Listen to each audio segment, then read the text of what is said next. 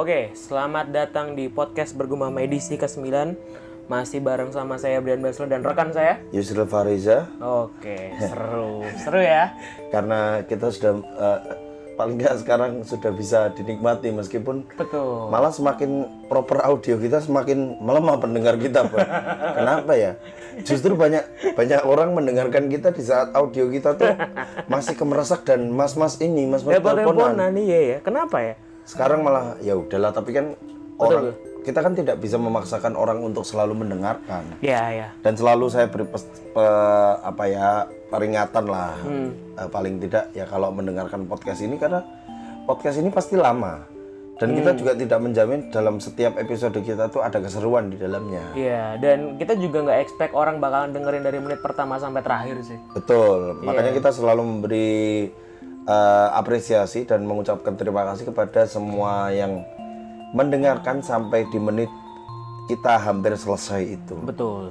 Minimal ada yang mention ke kita ke Twitter atau di Instagram, terus ada potongan quote dari percakapan kita udah merasa terapresiasi banget. sudah merasa terapresiasi banget meskipun tidak seberapa tapi bukan angka yang kita cari Betul. kita cukup puas lah. Yang penting kita bisa eh, mengungkapkan eh, pendapat kita dan juga apa ya kayak keinginan kita untuk bersiaran dan didengarkan orang. Betul, betul, betul, betul. Jadi ha, topik ini tuh sebetulnya yang bakal kita omongin hari ini, Sril, itu sebetulnya udah cukup lama menjadi concern kita ya. Sudah cukup lama, sudah, dalam beberapa bulan tapi ya kita memang antara menimbang-nimbang karena topik yang kita angkat ini ya lumayan lumayan meng apa ya bukan mengcounter sih maksud maksud dari ini adalah eh, kita menyajikan pandangan lain. Betul. Karena kebetulan kan dua orang yang mengisi podcast ini adalah orang yang cukup lumayan aktif di sosial media nih di, di Twitter dan di Instagram dan uh, platform sosial media yang uh, kita mainkan ini uh, lumayan ramah sama topik yang sedang kita omongin. Kita akan membicarakan masalah zodiak Betul. Uh, dan dan kenapa kena uh, dan bahasan-bahasan lain mengenai hal itu gitu loh. Ya yang berkaitan sama zodiak lah. Betul. Ka- Karena dari dari aku sendiri pun ya, Haha. menurutku eh yang yang membuat aku gusar adalah ketika orang-orang tuh me- membuat eh, semacam justifikasi dan pemukul rataan sebuah karakter Hanya karena hanya karena zodiaknya ya ya ya. dan karena eh, jadi dia macok-macok kayak itu loh apa apa bahasanya itu ya Ah, Iya iya. Ah, mengkait-kaitkan lah. mengkait-kaitkan dengan eh sesuatu ah piye ya jadi eh, yang yang yang paling membuat gusar adalah sebenarnya ketika kita berteman berdasarkan zodiak gitu jadi misal aku ya Hmm. aku seorang yang dalam zodiak tuh aku kategorinya adalah Gemini Gemini. Apa tuh yang paling sering dilekatkan pada karakter orang zodiak Gemini? katanya brengsek katanya katanya Oh, gitu. katanya Ya, ya. dalam dalam urusan percintaan brengsek Gemini itu apa sih? Logonya apa air ya? Eh, bukan orang kembar jadi oh yang katanya muka dua. Ah, ah, Gemini. alah. Tapi beberapa aku baca sih emang iya sih. Ah, itu Kayaknya, menarik, kayaknya, menarik. Kayaknya, Oke, oke, oke. kayaknya. Ah, ah, ah. Walaupun aku sendiri juga tidak bisa mengatakan bahwa aku seperti itu gitu. Tapi masa iya sih orang bisa? Aku tuh kadang-kadang nggak percaya. Masa iya sih orang bisa di dibaca karakternya itu berdasarkan eh, zodiak atau Iya, tanggal iya. lahir ah, ah, ah, atau atau bulan dia lahir gitu loh. ah. Nek, Nek, kamu sendiri gimana pun memandangnya, melihatnya? Kalau aku sih ini ya, uh, zodiak itu kan uh, sesuatu yang sebetulnya yang, yang paling sering orang salah kaprah adalah astronomi dan astrologi. Loh, apa bedanya emang? Astronomi itu kan kalau dalam uh, apa namanya kaidah ilmu modern ya, itu kan uh, studi ilmiah yang mempelajari tentang benda di angkasa kan. Hmm, termasuk planet, Iya, planet, Bintang. terus bintang, terus, matahari dan sebagainya. ya bulan. Power Rangers segala macam. Enggak Enggak ada, enggak dong. Power Rangers enggak masuk ke bulan. ada Power Rangers in Space ada. Enggak, enggak tapi enggak. Terus astrologi itu eh sepengetahuanku adalah ilmu yang eh, ngomongin itu yang eh, apa namanya eh, benda-benda di luar angkasa itu hubungannya dengan sesuatu yang ada di bumi gitu loh. Jadi ya sebetulnya dulunya itu setauku itu dikaitkan di bumi adalah dengan kayak misalnya eh, waktu yang tepat untuk menanam sesuatu, terus berkaitan dengan arah angin laut, mungkin seperti itu. Jadi sebetulnya eh, benda-benda di angka, luar angkasa itu, sebagai penangkapku, bisa disebut astrologi ketika itu berdampak sama sesuatu sesuatu yang bukan cuman manusia aja gitu Zul. Oh, sama makhluk hidup utamanya. Iya kayak bumi. Terus saya misalnya bumi sedang dalam eh, apa sih namanya eh, kondisi kan ada tuh kalau bulan sama bumi satu titik terus cuaca jadi lebih dingin. Iya, Terus apa namanya arah angin jadi kayak gimana? Leb- lebih ke situnya. ya, Iya. ah. Nah tapi si- sekarang itu disimplifikasi menjadi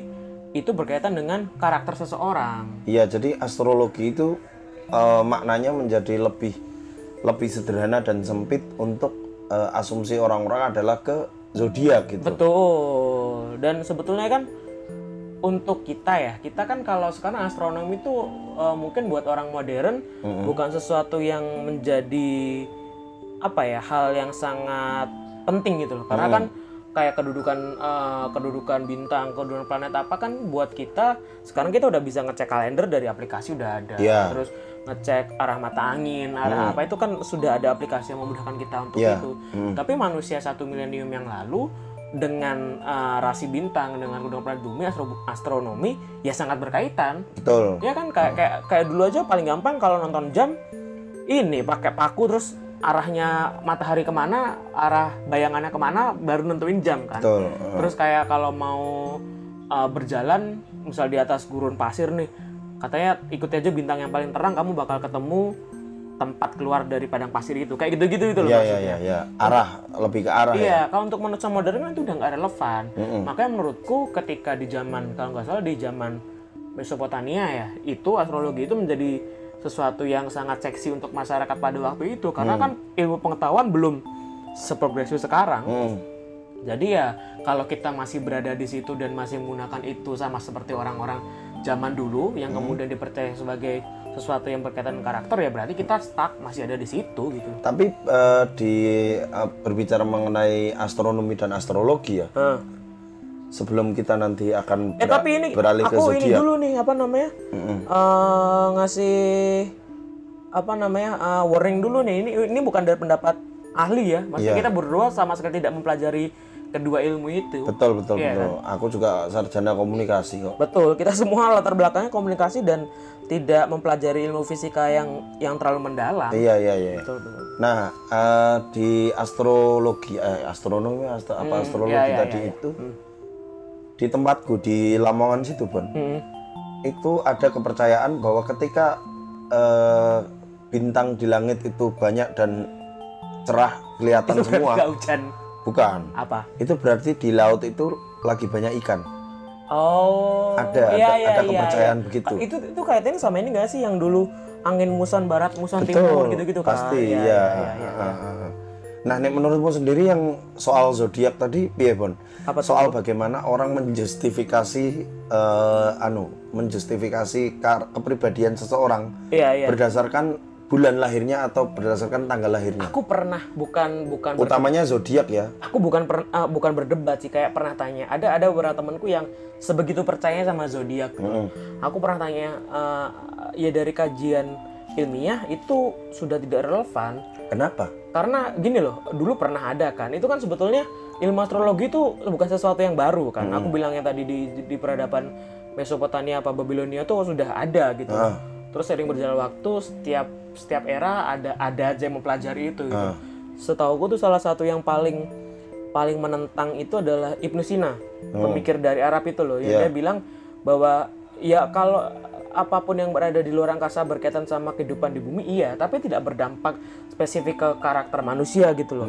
Dan waktu itu temanku bilang nggak bisa itu sebetulnya astrologi itu ilmiah zodiak itu ilmiah. Karena dia bilang bahwa uh, ada ada kekuatan kan itu posisi posisi bintang posisi bumi itu katanya menurut dia itu menentukan karakter karena Ah, uh, setiap setiap waktu itu punya gravitasi elektromagnetik dan gelombang-gelombang lain yang bisa mempengaruhi karakter manusia kata dia. Tapi aku baca-baca sih tadi banyak yang mengcounter argumen itu gitu loh. Jadi temanku tuh percaya bahwa ini tuh bukan cuman jarene atau katanya doang. ah. Secara ilmiah katanya peredaran bumi, elektromagnetik, gelombang apa itu membuat karakter seseorang bahkan sejak dilahirkan ke bumi itu sudah memiliki bawaan karakter gitu loh. Nek kamu, nek kamu sendiri pun, Hah, dengan dengan itu kowe iki apa tuh Leo Saya Leo, Leo. Kalau kata orang tuh Leo tuh tipikal ya sama kayak Leo kan apa raja hutan ya? Singa kan Singa. logonya kan singa kan. Singa tuh raja hutan yang katanya dibilang eh, dia adalah seorang orang egois, egonya besar, terus selalu ingin menonjolkan keakuannya, Heeh. terus menunjukkan bahwa dia adalah pemimpin gitu. Heeh. Iya ada beberapa aspek yang itu iya, cuman sebetulnya bukan karena aku Leo kemudian aku menjadi seperti itu gitu loh. Karena aku sih mikirnya metode zodiak itu kayak hit and miss gitu loh. Dari Iya. 10 paparan misalnya yang cocok cuman 3, 7 kita nggak cocok, ketujuhnya itu sering diabaikan.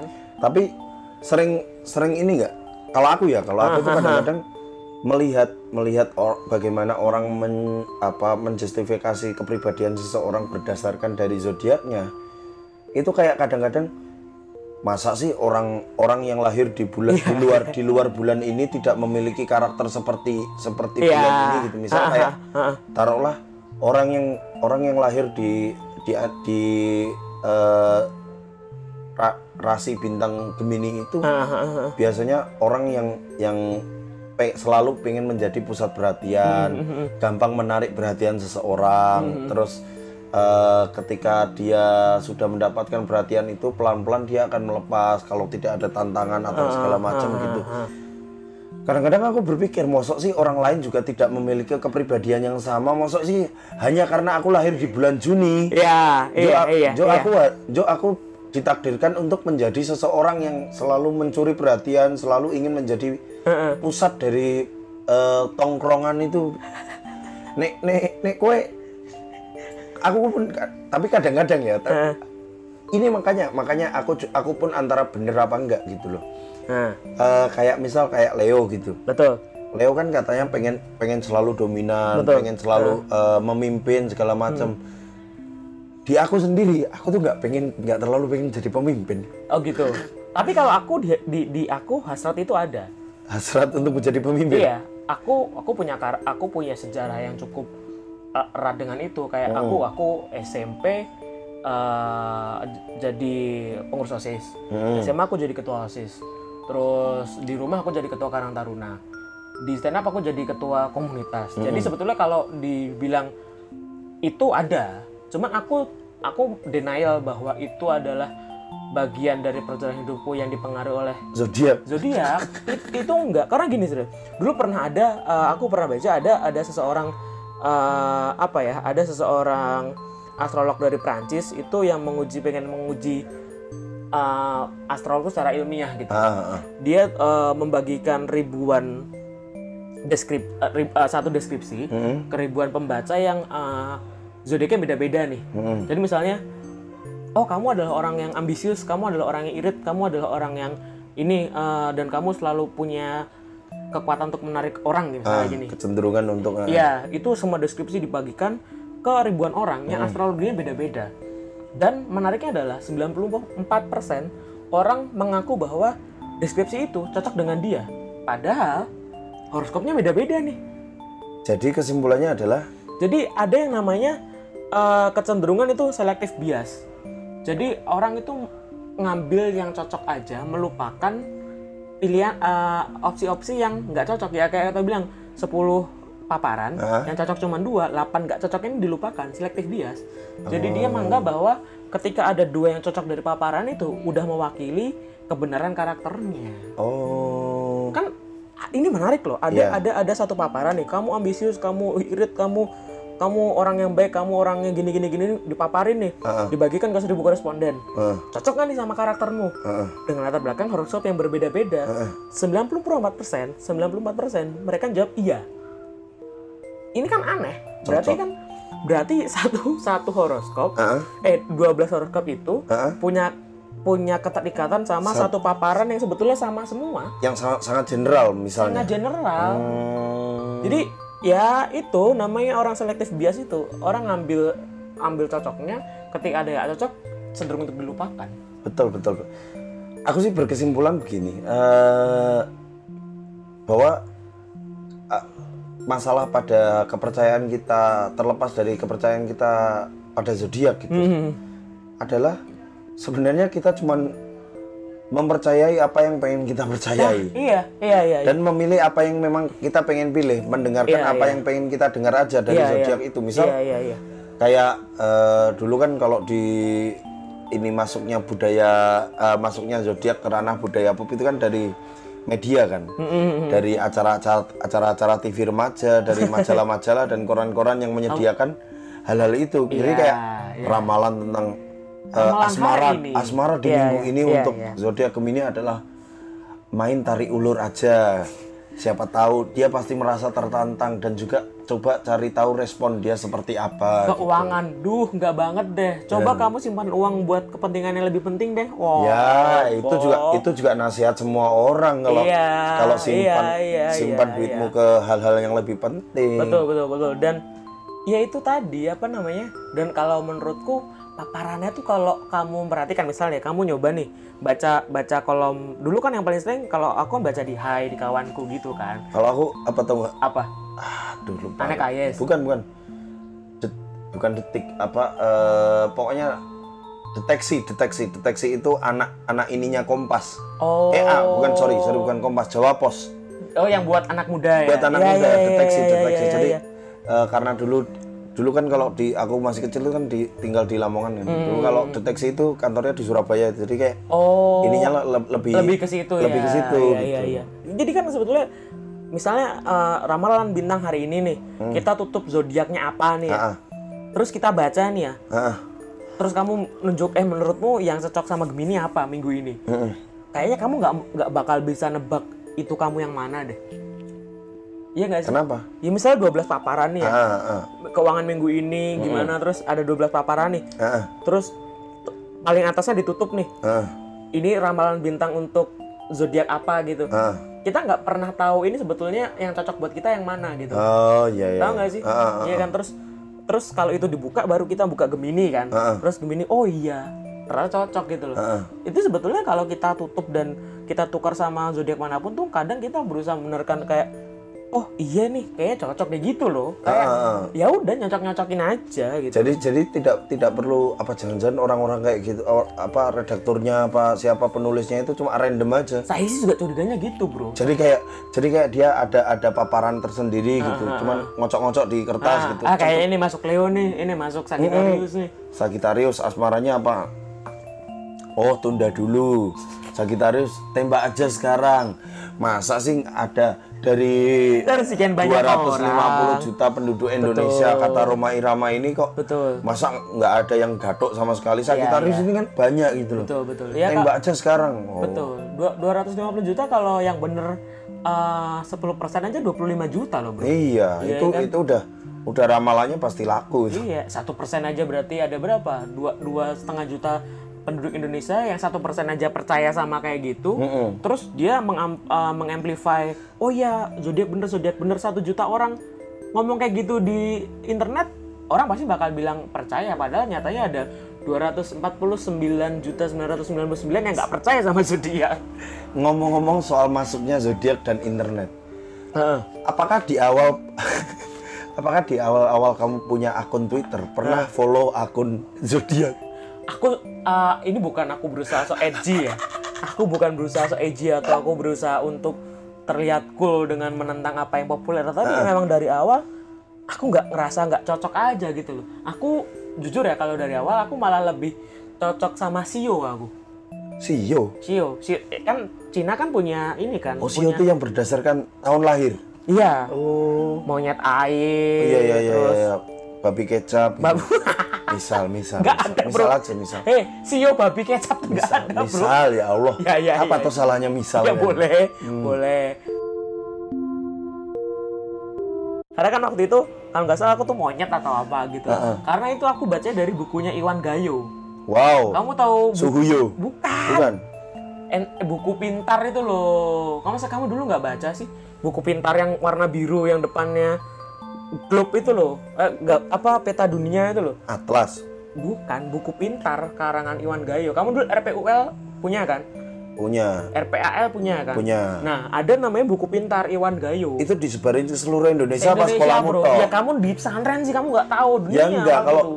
kalau itu disebarin seluruh Indonesia harusnya satu Indonesia pintar dong. Orang itu namanya buku Oh, iya pintar. iya iya iya iya iya iya Nggak menjamin itu Bon. Ikro aja nyebar ke seluruh Indonesia nggak semua orang sholat tiap hari bro Hai, hai, udah nyenggol agama. Enggak, jadi karena waktu itu eh, yang dibahas di di buku pintar itu adalah sio, eh apa namanya? Ah, sio. Ya. Jadi kayaknya aku waktu kecil lebih mempercaya itu gitu. Cuman kan seiring bertambahnya umur kan eh, orang tuh makan makin makin makin bertambah umur kan pasti akan skeptis sama banyak hal. Iya, semakin satunya- semakin semakin tua kita tuh semakin banyak hal yang membuat kita eh, tidak percaya terhadap apa yang dulu masa kecil kita percayai. Tuh. Termasuk mimpi bahwa suatu hari nanti aku akan kaya. Wah, Aduh. setelah besar, jancuk gak kaya-kaya aku, waktu kecil tuh aku percaya kalau apa namanya orang di dalam mesin ATM tuh ada orangnya. Ya, Masa kamu nggak percaya dulu bro? Saya dulu percaya bahwa ATM. Enggak, aku aku dulu percaya bahwa ATM Hmm. itu kita cuma beli kartunya terus bisa ambil uang sepuasnya. Kalau aku dulu percaya itu ATM tuh ada orangnya terus yang ngasih duit gitu loh. Heeh. Jadi bukan bukan ngumpet di mesin tapi Hmm. ATM tuh kayak pintu yang belakangnya tuh tembus ke bank gitu loh. Wow. Jadi ada orang yang ngasih duit. Aku dulu mikirnya gitu. Cuman seiring berjalan waktu kan ya pasti orang mik- makin makin bisa mikir kan. Termasuk zodiak dan sio itu. Menurutku Hmm. kalau kamu masih bertahan di situ ya aneh gitu loh. Cuman aku pernah baca di eh, aku lupa di ada salah satu web di Amerika yang eh, itu memang khusus membahas astrologi zodiak ya, astrologi zodiak. Jadi dia pernah ngerilis eh, temuan bahwa 25% orang Amerika tuh percaya sama zodiak. Dan dia bilang dalam 10 tahun terakhir itu orang yang ngevisit webnya itu dia bilang bisa melonjak hampir 150 eh, juta atau 100 juta klik dalam 10 tahun itu meningkat. Dia bilang bahwa ada kecenderungan eh, generasi milenial, bukan gera- bukan gen X atau gen Z ya, generasi milenial ya, yang dari berapa sih tahun 70 atau 80 sampai tahun 94 atau 95 itu loh. Mm-mm. Itu adalah generasi yang paling gampang relate sama zodiak. Kenapa? Karena itu, karena kita besar di masa peralihan yang dulu mungkin belum ada internet, Mm. terus kenal internet. Nah, internet itu kan salah satu lapangan yang paling banyak menyediakan hal kayak gitu kan. Kita buka apa aja tuh pasti Iya. horoskop hari ini tuh banyak banget gitu loh. Nah, dia bilang bahwa uh, generasi ini itu adalah generasi yang paling generasi milenial adalah generasi yang paling relate dengan zodiak dan dia bilang itu erat kaitannya dengan tingkat tingkat keset, ah, tingkat kesetresan. Angka stres angka stres suatu tempat semakin tinggi, angka stres itu itu semakin tinggi dengan orang yang percaya sama zodiak. Lah, kok makin aneh ya dunia Iya, ya? jadi Dunia makin aneh. ada kecenderungan bahwa Pindah apa ya? ada kecenderungan bahwa orang yang punya aku nggak ngomong punya masalah eh, ini ya eh, psikologis ya dia bilang bahwa orang yang dengan angka suatu tempat yang angka stresnya tinggi itu besar pula angka kecenderungan untuk percaya sama zodiak Sebenarnya aku aku ini pertanyaannya agak melenceng. kenapa Tapi kenapa ya? Ini agak gosip sih. kenapa bro Kenapa ya banyak seleb tweet itu lebih banyak percaya zodiak ya? ya itu konten bro aku bahkan pernah tanya temanku yang Amazing. Misal, ya udah ah, enggak sih saya berteman sama Alex Alex orangnya baik Alex orangnya baik langsung dipaten, langsung dipatahin, langsung dipatahin. Alex orangnya baik Alex orangnya baik enggak enggak Iya Alex baik banget. ada salah satu temanku Belum yang pernah ketemu sih aku. Belum pernah kenal juga. ada salah satu temanku yang kayak gitu bikin konten kayak gitu Siapa? ada lah kamu tak kasih ke orangnya juga nggak tahu terus Tahu aku. aku kasih aku tweet semua aku, aku tanya aku tanya saya habis perang bro sama kemarin itu terus saya tanya nih eh ngopo tuh kayak ngomong kayak zodiak? Bilang gitu kan. Terus saya bilang lah masa ngomong kayak primbon? Primbon lah payu rano pasare. Dia bilang Ah. gitu. Jadi menurutku sih memang karena kebutuhan konten juga karena minimal tuh kalau udah ngomongin zodiak itu kan berarti ter ini kan apa ya ter Apa ya, eh, ter- ter- terklasifikasi ke orang-orang tertentu gitu loh. Kita ngomongin kita kan kalau ngomongin sesuatu yang general, nyantrolnya kan mungkin eh, untung-untungan kan. Kita ngomongin konten sesuatu yang belum tentu pasarnya siapa. Tapi kalau ngomongin zodiak tuh Leo, ya minimal orang-orang yang zodiak yang Leo tuh bakal memperhatiin. Apa apakah eh, aku punya teori bahwa sebenarnya orang itu mencoba untuk menjadi eh, orang terutama eh, pengguna internet itu mencoba Hmm. untuk menjadi misterius sehingga dia penasaran dengan apakah orang bisa menebak karakternya apa enggak gitu Bisa jadi. teori loh Bisa, teori, bisa jadi. teori, teori Bisa jadi. teori jadi Bisa kayak jadi, bisa jadi. kayak ada orang tiba-tiba eh, sengaja untuk men- menyembunyikan per- apa karakternya Ah, ah, ah. karena dia tidak mungkin untuk mengklaim bahwa aku ya orangnya pinter loh tebar Oh. pesona gitu gitu atau aku ini orangnya eh, berjiwa pemimpin loh atau aku ini orangnya sangat pemilih gitu Ah, atau apa cemburuan segala macam dia tidak ingin mengungkapkan itu sehingga bersembunyi di balik kedok eh, zodiak jadi kayak Jadi biar orang yang yang ini ya, yang baca Ah, karakternya lewat itu ya. iya jadi kan aku punya teman Ah. teman sepermainan ah di mana ada dia selalu ada aku Dia amat manis ya. Ah, aku punya teman jadi Eh. dia itu kayak jarang nge-tweet pun. Eh. Tapi yang di retweet itu selalu soal Gemini today, Gemini o- apa quote Gemini gitu, Iya, I iya, am iya. Gemini. Gitu. Iya, iya, iya. Gitu-gitu tok. ya Allah bos bos. Biasanya tuh orang kayak gitu tuh Mbak urip sing bener. oh, biasanya tuh orang kayak gitu irisan irisan karakternya kurang lebih sama sih kayaknya. Kurang lebih samai sama siapa? Sama kayak setipe gitu loh orang-orang yang percaya kayak gitu tuh menurutku. Yang sama seleb tweet. Eh, Bukan. Orang-orang yang terlalu percaya sama zodiak tuh ah. kayak menurutku irisan karakternya sama. Orang percaya zodiak itu biasanya sorry ya. kayak terlalu suka mendramatis sesuatu terus kemudian eh, pangkal permasalahannya itu nanti diurutkannya zodiak gitu ya. Misalnya ah orang ini malesin banget nih. Parah sih kalau emang urusan sama Pisces. Apa, Cuk? Apa? ada, Apa? ada seorang karyawan yang mengeluh karena bosnya ini zodiaknya Ya adalah zodiak yang dia benci loh he loh he Wih, bosmu loh, wih Iya. Terus terus yang yang paling yang paling bo- bosku tuh orangnya kayaknya Virgo banget deh. Aduh. Halo he. Vir- Virgo itu apa sih logonya? Perempuan. Oh Virgo Jadi logonya kayak, perempuan. kayak dia perfeksionis gitu-gitu loh. Ya Allah. Ininya. Aku tetap baca kok gitu-gitu meskipun aku juga nggak percaya-percaya banget ya. Iya iya iya iya. cuman tapi emang bener loh. Hmm, hmm, hmm. Dari beberapa temanku yang Eh. zodiaknya Virgo. Cok kok udah dipercaya, Cok? Sito, Sito. Ah, Iya iya iya. Mereka ini perfeksionis, tapi Hmm. aku aku selalu percaya bagaimana orang perfeksionis itu ketika dia ditanya, Hmm. "Kowe ini perfeksionis gak toh?" Hmm. Enggak begitu kok. Alah iya, kamu itu perfeksionis. Nih kamu Kalau jawabnya gitu. Iya, perfeksionis. Iya iya iya iya. Tapi enggak, aku Gemini juga perfeksionis. Ya ini kan ya- yang paling ngeselin tuh gini sih. Yang eh, dikaitkan kalau sama zodiak tuh udah ngeselin, Heeh. dikaitkan lagi sama logo zodiaknya gitu. Ya kayak tadi Aquarius kan air nih. Heeh. Ya namanya zodiak Aquarius kan orangnya ngikut aja nih kayak air.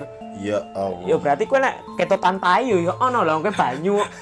Iya kan gitu kalau dipikir logikanya. kan. Apakah tidak berpikir orang-orang yang zodiaknya misal Aries gitu, Ah. Wedus apa apa gitu, apa apa ya, apa misal nek zodiaknya Aries itu lah tuh orang metu ngomah lah berarti. Ah. Ya kan enggak kan. apa deh arang atus karena perlus Zodiakmu yang, yang topeng tadi apa?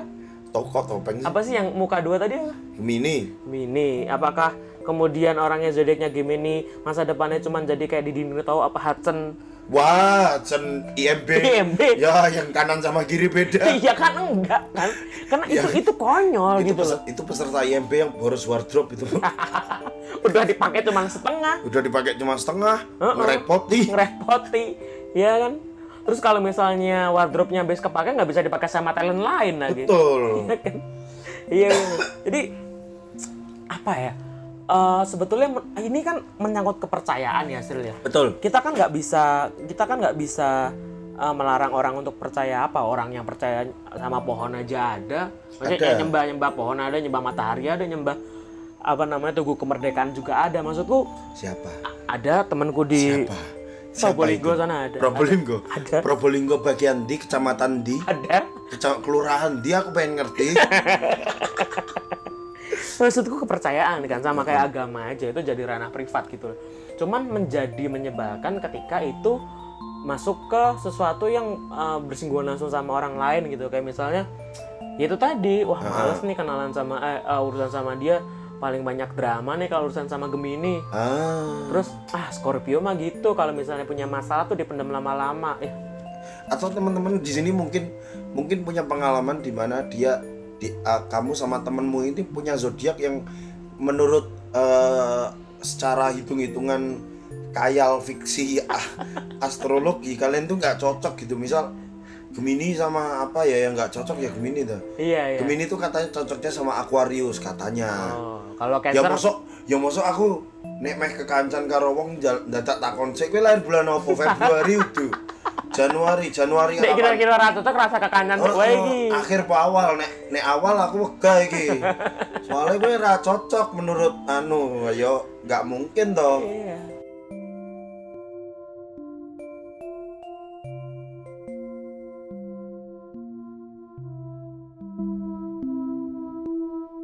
Ya maksudku ini Lis, apa namanya nggak masalah kalau udah masuk ke ranah privat ya orang mau Ha. percaya apa. Cuman tolonglah nggak usah dibawa ke sampai ke level ketika kamu bersinggungan sama orang lain gitu loh. ya kalau kamu malas kalau kamu pintar kalau kamu irit kalau kamu ambisius itu bukan berdasarkan zodiakmu apa itu karakter personalmu gitu. Iya dan bagaimana lingkungan itu membentukmu gitu. Betul betul. Nah sebetulnya kan banyak yang Eh, bilang Bon, apa nih? Eh, apakah anu ini untuk menyambung di Ah, poin selanjutnya aja Nah, apakah menurutmu orang-orang yang percaya zodiak ini adalah hanya terbatas sebatas di lingkup orang-orang yang pergaulannya cukup bisa dikatakan urban lah Iya, karena uh, metropolis gitu. betul betul tetangga saya di rumah itu uh, Yati Lengo. Yati Lengo tidak pernah berteman dengan orang eh memilih teman berdasarkan Saya zodiak kampleng, Kenapa. Bro? Kenapa? Ya dia ora dodol lengo Yati apa, Bro? ya di beras tuh mau kan tadi kan kita sudah Oh iya sepakat iya. iya, Yudi Portal Yudi Porta, sama Iwan Supri Lengo, Oh, Supri iya, Lengo, Supri Lengo. Iwan Remote, Iwan. sales remote soalnya. Enggak maksud tuh di beberapa Remote tempat- remote palsu lo. remote universal. Ah, remote jadi universal yang mereknya nggak ada. Kalau kita kecocokin ke TV mahal, tombol menunya nggak bisa dipencet, cuma volume sama channel ganti channel doang sama power. sama power. Kalau nge-mute TV yang dipencet adalah tombol ini ganti menu. Nggak sama. Lanjut Iya masalah urban. teman-teman yang yang yang di desa, yang yang bener-bener di pelosok itu ya. Heeh. Kayaknya lebih, lebih merasa relevan bukan dengan zodiak tapi lebih ke primbon. Nah, primbon sendiri kamu percaya nggak? Aduh, ini ini Primbon- tricky sih, agak tricky. Primbon primbon tuh termasuk misalnya kita- Weton juga ya. weton dan eh, tanggal baik pernikahan itu kan juga pasti berkaitan dong. Iya, iya, iya. Itu kan soal soal bagaimana menentukan dan dan eh, bagaimana kepercayaan ini akan apa ya me- mengatur jalan hidupmu. Ka- Kalau aku mikir gini sih. Uh, kita kan sebagai orang-orang Jawa nih ya, Heeh. itu punya Aku Medan, Bon. Batak aku. Iya, Ting, saya lupa. Saya kan juga nyong Ambon sebetulnya, Bro. Aduh, saya lupa. Kenapa tadi orang Jawa enggak? Orang sebagai orang Jawa itu kan falsafahnya banyak yang uh, sebetulnya di balik itu ada apanya gitu loh. Maksudnya? Maksudnya kayak misalnya kita mempercayai sesuatu itu jangan ditelan secara harafiah kadang-kadang. Ada ada sesuatu yang ada di balik itu tuh ada sesuatu yang uh, nilai bukan nilai moralnya, ada ada niatan tertentu untuk ngomong ini tuh kayak misalnya Ada ada yang tersirat di balik itu. Iya, kayak orang dulu kan bilang jangan ke pantai Parangtritis dengan baju hijau. Heeh. Eh, nanti eh, ada Nyi Kidul atau apa sebetulnya secara secara secara budaya itu kalau dirunut dulu kan sebetulnya hijau adalah warna yang samar dengan warna air laut sebetulnya kan. Ketika kamu hilang di lautan, kamu sebetulnya ketika kamu pakai baju hijau nggak terlihat di laut Iya, gitu loh. Jadi pakailah baju yang kuning atau merah atau apa Atau orange. atau orange. Kayak Jadi tim SAR. Iya kayak tim SAR, makanya tim SAR warnanya orange. Iya, karena langsung kelihatan. ka- katanya langsung kelihatan katanya. Itu kadang digunakan untuk membuat orang itu disimplifikasi supaya orang gampang percaya gitu loh. Eh, Aku pernah yang di KKN Desa Penari yang cerita fiktif itu. oh, oh penari itu fiktif. Iya, yang percaya sih aduh sohibul halu itu. Oh, Jadi- ya kapan-kapan kita bahas lah. Jadi jadi Eh penari itu kan bukannya main bola. Penari Astaman, ya lanjut pun. lanjut pun. Lanjut lanjut. bro koordinasi dulu bro Iya, kalau lanjut, ngejokes lanjut, bro. lanjut lanjut. itu ada sesuatu yang dirawat supaya orang itu percaya dan eh, apa namanya tetap melestarikan itu kayak misalnya banyak kan tempat-tempat eh, cagar alam ya kayak tempat hutan itu dibilang weh jangan ke situ hutan itu penunggunya banyak nih hutan ini uh, ada setan atau apanya. Itu kadang diciptakan oleh masyarakat supaya orang itu memang nggak usah main ke tempat itu. Iya. supaya tetap lestari gitu loh biar nggak dirusak. Iya, karena karena apa tau nggak? apa? Karena kebanyakan orang dari kita itu malas untuk meneliti secara ilmiah betul. sehingga menciptakan karangan-karangan itu. jadi kita ngambil jalan pintasnya nih ketika orang dikasih tahu eh jangan jangan ngerusak hutan dong ini karena uh, paru-paru dunia terus ini bagian dari kehidupan kita. Orang nggak bakal percaya tapi ketika dikasih tahu eh hutan ini ada penunggunya nih ada buaya putih nih ada macan kemayoran. Wah ada di situ Ah, jadi cek ya, ya, ya. enggak di, ketika dia ngomong gitu orang jadi percaya. Nah menurutku ada banyak hal di kebudayaan Jawa Heeh. yang sebetulnya di belakang itu ada maksudnya gitu loh. Hmm, kayak misalnya mungkin ya kenapa orang dilarang menikah eh, ketika suro ya, karena ya mungkin menurutku ketika suro itu ada banyak ritual kebudayaan kemudian konsentrasi orang itu lebih ke bagaimana satu suro itu untuk kontemplasi diri di rumah betul. terus nek kon ngurusi hajatan, ya Hajatan kuwi jadi nikahan. Jadi orang maksimal karena banyak orang yang sudah punya kepentingan sendiri gitu loh. Atau di bulan Suro itu banyak hari libur sehingga weekendnya panjang gitu. Betul. Gedung-gedung larang. Orang suro masih mending nonton malam satu suronya Su- Susana daripada ngurusin hajatnya orang. Jadi lebih Kenapa? Malam satu Suro kan cuma paling itu durasinya cuma dua jam. Iya, Kenapa bisa membatalkan pernikahan? ya maksudku ada di belakang itu tuh ada itunya gitu loh. ya, Nah kalau aku melihatnya budaya Jawa tuh lebih banyak ke situnya Hmm. kayak hari baik atau mungkin jangan jangan nikah di tanggal ini terus Hmm. kemudian apa namanya kamu nggak boleh pakai apa di di mana lebih lebih ke situnya. Hmm. Cuman kalau untuk primbon yang benar-benar berasal oh kamu Jumadil awal terus eh, Rabu Kliwon itu menentukan ke karakter personal kerajinan. itu kamu aku itu anaknya rajin, kamu itu. Itu Karena di di satu situs tuh ada bon di mana? Iya aku pernah kita, nyoba tuh weton Iya, itu kan. iya, Iya, kita iya. kita input, input primbon. Iya, eh, iya, iya, tanggal iya. lahir dan bulan, kemudian tahun. Dulu waktu SMP aku pernah bro masuk ke Tapi- gebetanku ke situ bro namanya bro. Wah, jancok. wih. Jadi aku Wih, pernah musrek kayak gitu. ya namanya kan SMP bro. Oh, Waktu SMP. Ameo SMP SD jenenge musrek tetap musrek. Tapi kan sekarang udah enggak. Mosok. Jadi pernah aku eh, tanggal lahirku nih. Terus tanggal tanggal lahirnya yang yang cewek yang Oh, itu ada aplikasinya dulu. Iya, makanya Ada kalau- masukin ke situ. Iya kalau di lab-lab komputer ada ada dulu ada dulu itu. Iya betul. Iya Di kan? lab komputer sekolah tuh pasti Sekolah ada iya pasti. itu. Iya. Pasti ada mainan itu. Terus tingkat kecocokan cuma 17 persen. Tapi akhirnya jadian orang. Enggak jadi emang. Ya emang.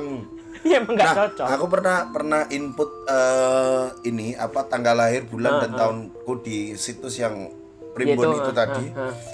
Di primbon terus dijelaskan kamu itu elemennya gini gini gini. Ah, ah, ah, ah. Ah, sebagai pribadi kamu itu orang yang hemat. Enggak, aku enggak hemat, aku Ah. belanja kue koyo ngono, enggak hemat aku. Tapi kayaknya enggak percis terus aku memutuskan untuk tidak percaya. Iya iya. Tapi kan awalnya awal dari itu kan bermula dari rasa penasaran kita Iya iya. ah. bahwa sebenarnya kita ini mudah di ditebak nggak sih karakternya itu loh. Iya iya iya. Aku ini wonge koyo piye sih? Itu gini Bon, secara secara mungkin ya, mungkin secara secara psikologis. Kenapa banyak orang untuk kenapa banyak orang tertarik dengan dengan mempelajari sesuatu yang uh, uh, dimaksudkan untuk menebak karakternya adalah mungkin ya, mungkin orang capek untuk menelusuri dan menebak siapa dirinya sebenarnya. Betul, ya itu mah tadi yang riset aku ngomong bahwa semakin tinggi angka stres satu tempat itu kecenderungan untuk percaya kayak gitu semakin tinggi karena di Amerika dalam 10 tahun terakhir 25% itu banyak loh dan visitor orang yang ngelola website horoskop itu jadi lebih tinggi seiring berjalannya angka tingkat stres penduduk Amerika. Ah just kudune kowe ngomong kaya aku wae mau. Secara teori wae rasa mbok gowo tekan Ya, Amerika. yang yang pernah aku baca. Karena- Kejauhan. Karena, Indonesia nggak pernah bikin itu jurnal, bro, jurnal, kayak, gitu. Iya. Lebih ke klinik. Jaga. Kalau ada ini yang ya, laku we- ya KKN penari. Iya, kalau ada peristiwa ini ya ya udah itu karena penunggunya marah. Males, males. Males. Sumpah, males, emang. Males. Bukan bukan karena bukan karena bukan karena kita menyalahkan pendidikan, tapi Iya, betul, karena betul. Males. karena warisan nenek moyang kita ini adalah warisan yang eh, kayak dinamisme, animisme, dinamisme. Ah, ah, ah, ah. Apa namanya? eh, ojo kuwi lho, ojo nyapu bengi-bengi Hmm. mungkin ndak apa jenenge Rezekine eh, meluk sapu. rezekine sapu padahal sebetulnya kalau di di mau orang mau mikir bener Hmm. bukan itu tujuannya karena kalau sudah malam kan apa namanya Nggak akan orang ada orang bertamu. betul terus lebih baik kalau malam eh, mungkin karena kualitas udaranya kan eh, apa ya orang istirahat dan sebagainya Hmm. debu kalau ada orang tidur aja lebih- ke situ kan sebetulnya tapi ya udah karena kita mikirnya malas jadi akhirnya ya wes gitu Setuju nggak kalau misal eh, ada orang yang berpendapat bahwa zodiak ini hanya untuk seru-seruan? nah itu yang menurutku yang bahaya sih Sril. Kalau kok bahaya? bahaya karena gini apa namanya ya udahlah uh, orang puan cuman buat have fun doang nggak Evan mungkin Dimas, jauh sih kalau sama Evan Sanders, dia jauh sama Evan Sanders jauh sih sama Evan McGregor. aduh jadi banyak bilang oh cuman buat fun doang nggak usah diseriusin menurutku malah itu jadi bahaya karena gini pernah ada kasus eh apa namanya eh presidennya lagi-lagi oh pakai contoh Amerika nih Ronald Reagan Dulu wongi ke barat-baratan. Ya emang karena Presiden Soekarno nggak pernah nyeritain soal Gemini dan Pisces, bro. Ceritanya Soekarno dan Soeharto lah pernah bertapa di gunung mana, di hutan mana, kemudian balik-balik sudah bisa dapat ilham untuk memerintah negara. Tapi Soekarno Gemini soalnya. Iya kan? Gak tahu. Iya orang 1 Juni. Ronald, Ronald Reagan itu pernah di di, di satu satu kesempatan dia pernah Juni 2 Juni? nal- nolak uh, bikin meeting Hmm. karena Nancy Reagan istrinya itu menentukan tanggal baik dan orang yang diajak meeting itu berdasarkan astrologinya. Lah, Jadi pernah mau meeting nih, misalnya kita take kapan podcast hari Jumat, saya tak tonton. Tamumu siapa ki? Tamuku iki bulannya apa? Eh, eh, Scorpio. Terus tonton ini ini ini ini. Wah kayaknya nggak cocok kita meeting hari Jumat. Kita meetingnya Senin aja. Presiden Amerika pernah mempercaya hal seperti itu untuk kelangsungan negara loh, untuk meeting loh bro. Itu menurutku, coba ya kalau misalnya kita punya presiden atau pemimpin suatu satu wilayah administrasi yang Atau OSIS lah, kebijakannya atau OSIS. kebijakannya itu didasarkan sama pilihan zodiak. Indonesia mau kerjasama sama Korea nih. Wah kita kerjasama membangun eh, budaya dan pariwisata. Kita mau belajar dari budaya K-pop. Mau salaman. Wah Sagitarius ora weh. Tak kerja sama Korea Utara weh. Gak jadi. ya ampun. Tidak menutup kemungkinan kan? Iya, tapi eh, ya, iya sih, ya tidak tidak bisa tidak bisa kita elakkan Kar- juga. karena banyak loh. Sekarang kita baru kenalan eh, sama seseorang nih. Eh namanya siapa nih? Wah namanya Bona. Bona. Zodiaknya apa nih Leo? Oh Leo, pantesan. Pantesan apa cok bangsa? Pantesan itu apa? Anda bisa meng- bisa menyimpulkan pantesan Leo apa? Pantesan itu apa? Kita dari tadi itu berbicara seolah kita ini kontra terhadap orang-orang yang percaya zodiak. Ya memang iya. Tapi apakah kue dewe? Heeh. Nah, aku kadang-kadang ya, kadang-kadang eh, melihat perempuan yang kira-kira aku taksir. Mm-mm, mm-mm. Apakah pernah sedikit aja Hmm. Pernah nggak kamu melihat dia berdasarkan eh, zodiaknya? Bukan untuk apa-apa, bukan untuk percaya dan apa, tapi untuk jaga-jaga aja. Dia ini orang seperti apa? Pernah nggak?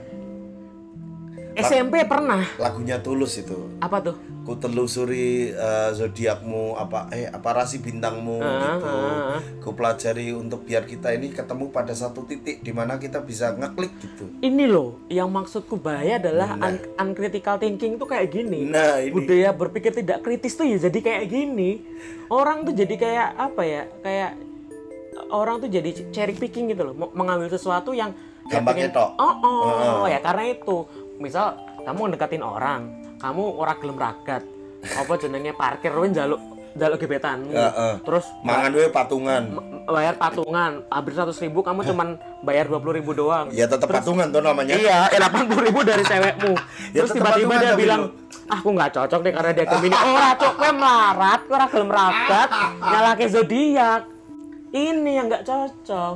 Jadi budaya ini loh tidak jadi membuat seseorang tuh menurutku punya potensi loh ya. Punya potensi kan berarti tidak serta merta membuat orang langsung seperti itu. Heeh. Punya potensi membuat orang tuh jadi uncritical thinking karena ah ya udahlah namanya Scorpio kalau dari orangnya yang nggak mau ribet ya udahlah kerjaan dia kasih yang simpel-simpel yang itu jadi jadi bahaya menurut Ya di, di teoriku sih eh, maksudnya aku aku juga berkesimpulan bahwa bahwa sebenarnya orang-orang apa sih motivasi orang percaya terhadap eh, zodiak itu karena dia pengen eh, ya itu tadi pengen mempermudah untuk bagaimana dia kenal dirinya sendiri. Heeh. Kalau tidak sesuai, enggak kok aku bukan gitu. Jadi apa bias selektif apa tadi namanya? Selektif bias Selektif bias gitu. Jadi Heeh. jadinya jatuhnya akan akan selalu seperti itu gitu. Heeh. Nih kamu Bebon, ya itu Uh, maksudnya statement terakhirmu terhadap terhadap uh, sesuatu yang kaitannya sama zodiak dan bagaimana kamu memandang orang-orang yang percaya terhadapnya? aku sih gini ya eh, hubungan pertemanan itu nggak nggak akan lah Saya setuju itu. nggak akan kemudian luntur Hanya hanya karena, karena, ah. kamu percaya zodiak atau kamu tidak percaya zodiak gitu kan? Dan dan tidak menjamin juga untuk kebalikannya, Bon. betul. Misal katanya Gemini cocok sama ini, Betul. katanya Gemini cocok cocoknya sama Sagittarius karena uh, untuk teman ngobrol dan berpetualang. Enggak enggak enggak. Enggak menjamin enggak ada yang menjamin wis. Berarti kalau apa yang tadi yang zodiaknya kambing itu apa? Taurus ada Aries ada. Taurus berarti nggak cocok sama Leo dong. Taurus wedus panganane singo kan ini hutan kan ya ora dipercaya berdasarkan rantai makanan kan bos. oh sekarang gini loh katanya orang yang air tadi apa namanya? Aquarius. Aquarius. Ya orangnya saya mah orangnya ngalir orang Sagittarius kan air. Bisa juga. Berarti kan gitu. Wah aku terus Leo ki. Gue apa berarti? Ya pangananku anu lah Simba serial Simba opah kan gitu serial. Maksudku aku sih mikir orang tidak akan menjadi harmonis dan orang tidak akan menjadi tidak harmonis hanya karena pilihan rasi bintang. Nggak nggak ada korelasi sama sekali. Dan aku tidak mempermasalahkan orang yang percaya itu. Itu itu urusan personal ya. Cuman ketika kamu tanya opini personalku terhadap itu ya aku aku sangat membantah dan apa namanya eh, tidak mempercaya bahwa itu berdampak ke karakter seseorang. Cuman ya aku nggak bisa nampik bahwa ketika ada orang yang sangat percaya itu dan berusaha mendoktrin aku untuk percaya aku punya trust issue sama dia Mm-mm. Ya aku juga yang namanya zodiak dan dan bagaimana bagaimana siapa pun yang menjadikan ini sebagai konten itu serama ya ra masuk lah. Aduh, udah dong sisa-sisa Instagram tuh kenapa sih? Di, di capture story-nya uh, Scorpios are freaking in bed. Aduh. Aduh, aduh, ada ya, ada loh yang yang anu yang tiap hari uh, di Twitter tuh bahasnya zodiak. weh. Heeh, Ngomong- tapi aku cukup memaklumi karena bagaimanapun ketika kita membahas kepribadian seseorang, otomatis orang yang yang merasa eh, apa ya Relate. relate dengan itu akan akan mudah untuk ketemu dan mudah melakukan engagement, mudah melakukan apa ya interaksi Heeh, heeh. setelahnya gitu. Jadi kayak oh mungkin untuk konten oh, ya wes lah konten gitu, tapi Udah. ya tidak serta merta menjauhkan kita dari agama. atau Cuman- atau atau Cuman kalau kadang- orangnya sudah terlalu terlalu membawa zodiak bahkan bukan cuman buat konten ya, maksud in real life sampai kemudian kalau ngomong apa-apa dasar zodiak in real life lo ya, maksudku Nah. ya sampai ngomong ah kalau gue sih ngelihat dia berdasarkan karena dia Gemini, aku aku punya trust issue sih sama orang kayak gitu. Aku jujur aja. ada orang curhat misal ada orang curhat biasa kan ini ah. orang curhat tentang tentang bagaimana dia menyukai seseorang atau tentang bagaimana dia eh, kesal terhadap seseorang Mm. terus teman curhatnya karena dia tidak punya bahan lain langsung nebak dari zodiak gitu Zodiaknya apa nih? eh dia apa ininya zodiaknya Kayaknya Virgo deh. aduh Tuh kan Virgo tuh, aduh. Virgo tuh ah bos ora masuk ora masuk Aduh, kenapa sih orang tuh ini apa namanya?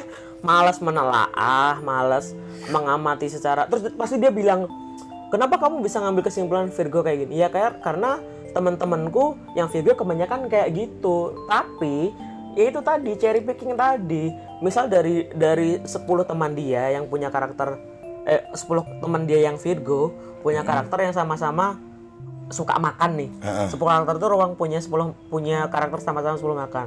Cuman ada 9 karakter yang berbeda dari 10 orang ini tapi nggak disebutin. Iya. Ya jadi orang mikirnya Wah, Virgo ini orangnya emang suka makan. ya, ya semua manusia suka makan dong. Bos, ada emang ada. Saya pengen tahu deh zodiak yang nggak suka banget makan gitu, yang yang nggak butuh makan tapi bisa hidup gitu. Apa ya? Ada, ya itu tadi Sagittarius kan air kan tadi kata. Eh apa sih yang air tadi? Aquarius. ya. Aquarius kan air. Dia nggak butuh makan orang dia minum terus. Ya nggak serta merta kita kita menggolongkan orang-orang yang ha- ha- lahirnya di di bulan Aquarius dia gelonggongan. ya nggak juga. apakah orang-orang yang Enggak kan? yang eh, yang ha- apakah hanya orang-orang yang lahir di bulannya Libra yang yang selalu mempertimbangkan setiap keputusan yo kabeh wong ora kabeh wong ya asal gathuk asal ling asal trabas Sesuk nek aku ning toko timbangan ning pasar, Bu, pasti Libra ya. Lah ngapa? Ya kita dol timbangan. Ora kan? Ya, Ora. ora. Tapi kalau kamu nonton Sen saya, sen saya Sen saya, Sen saya, Ah, ah. itu ini sen loh. saya yang awal yang dulu banget apa yang sekarang Ya sekarang juga gini kan, banyak yang apa namanya eh, bentuk form form evolve-nya itu zodiak Iya zodiak Iya. kayak Virgo kan ada topengnya dua terus ini terus si siapa yang yang ban, yang banteng itu siapa Taurus ya? Yang banteng nggak tahu yang banteng PDI Eh zodiakmu apa? Witringin, oh Golkar. Oh zodiakmu Golkar.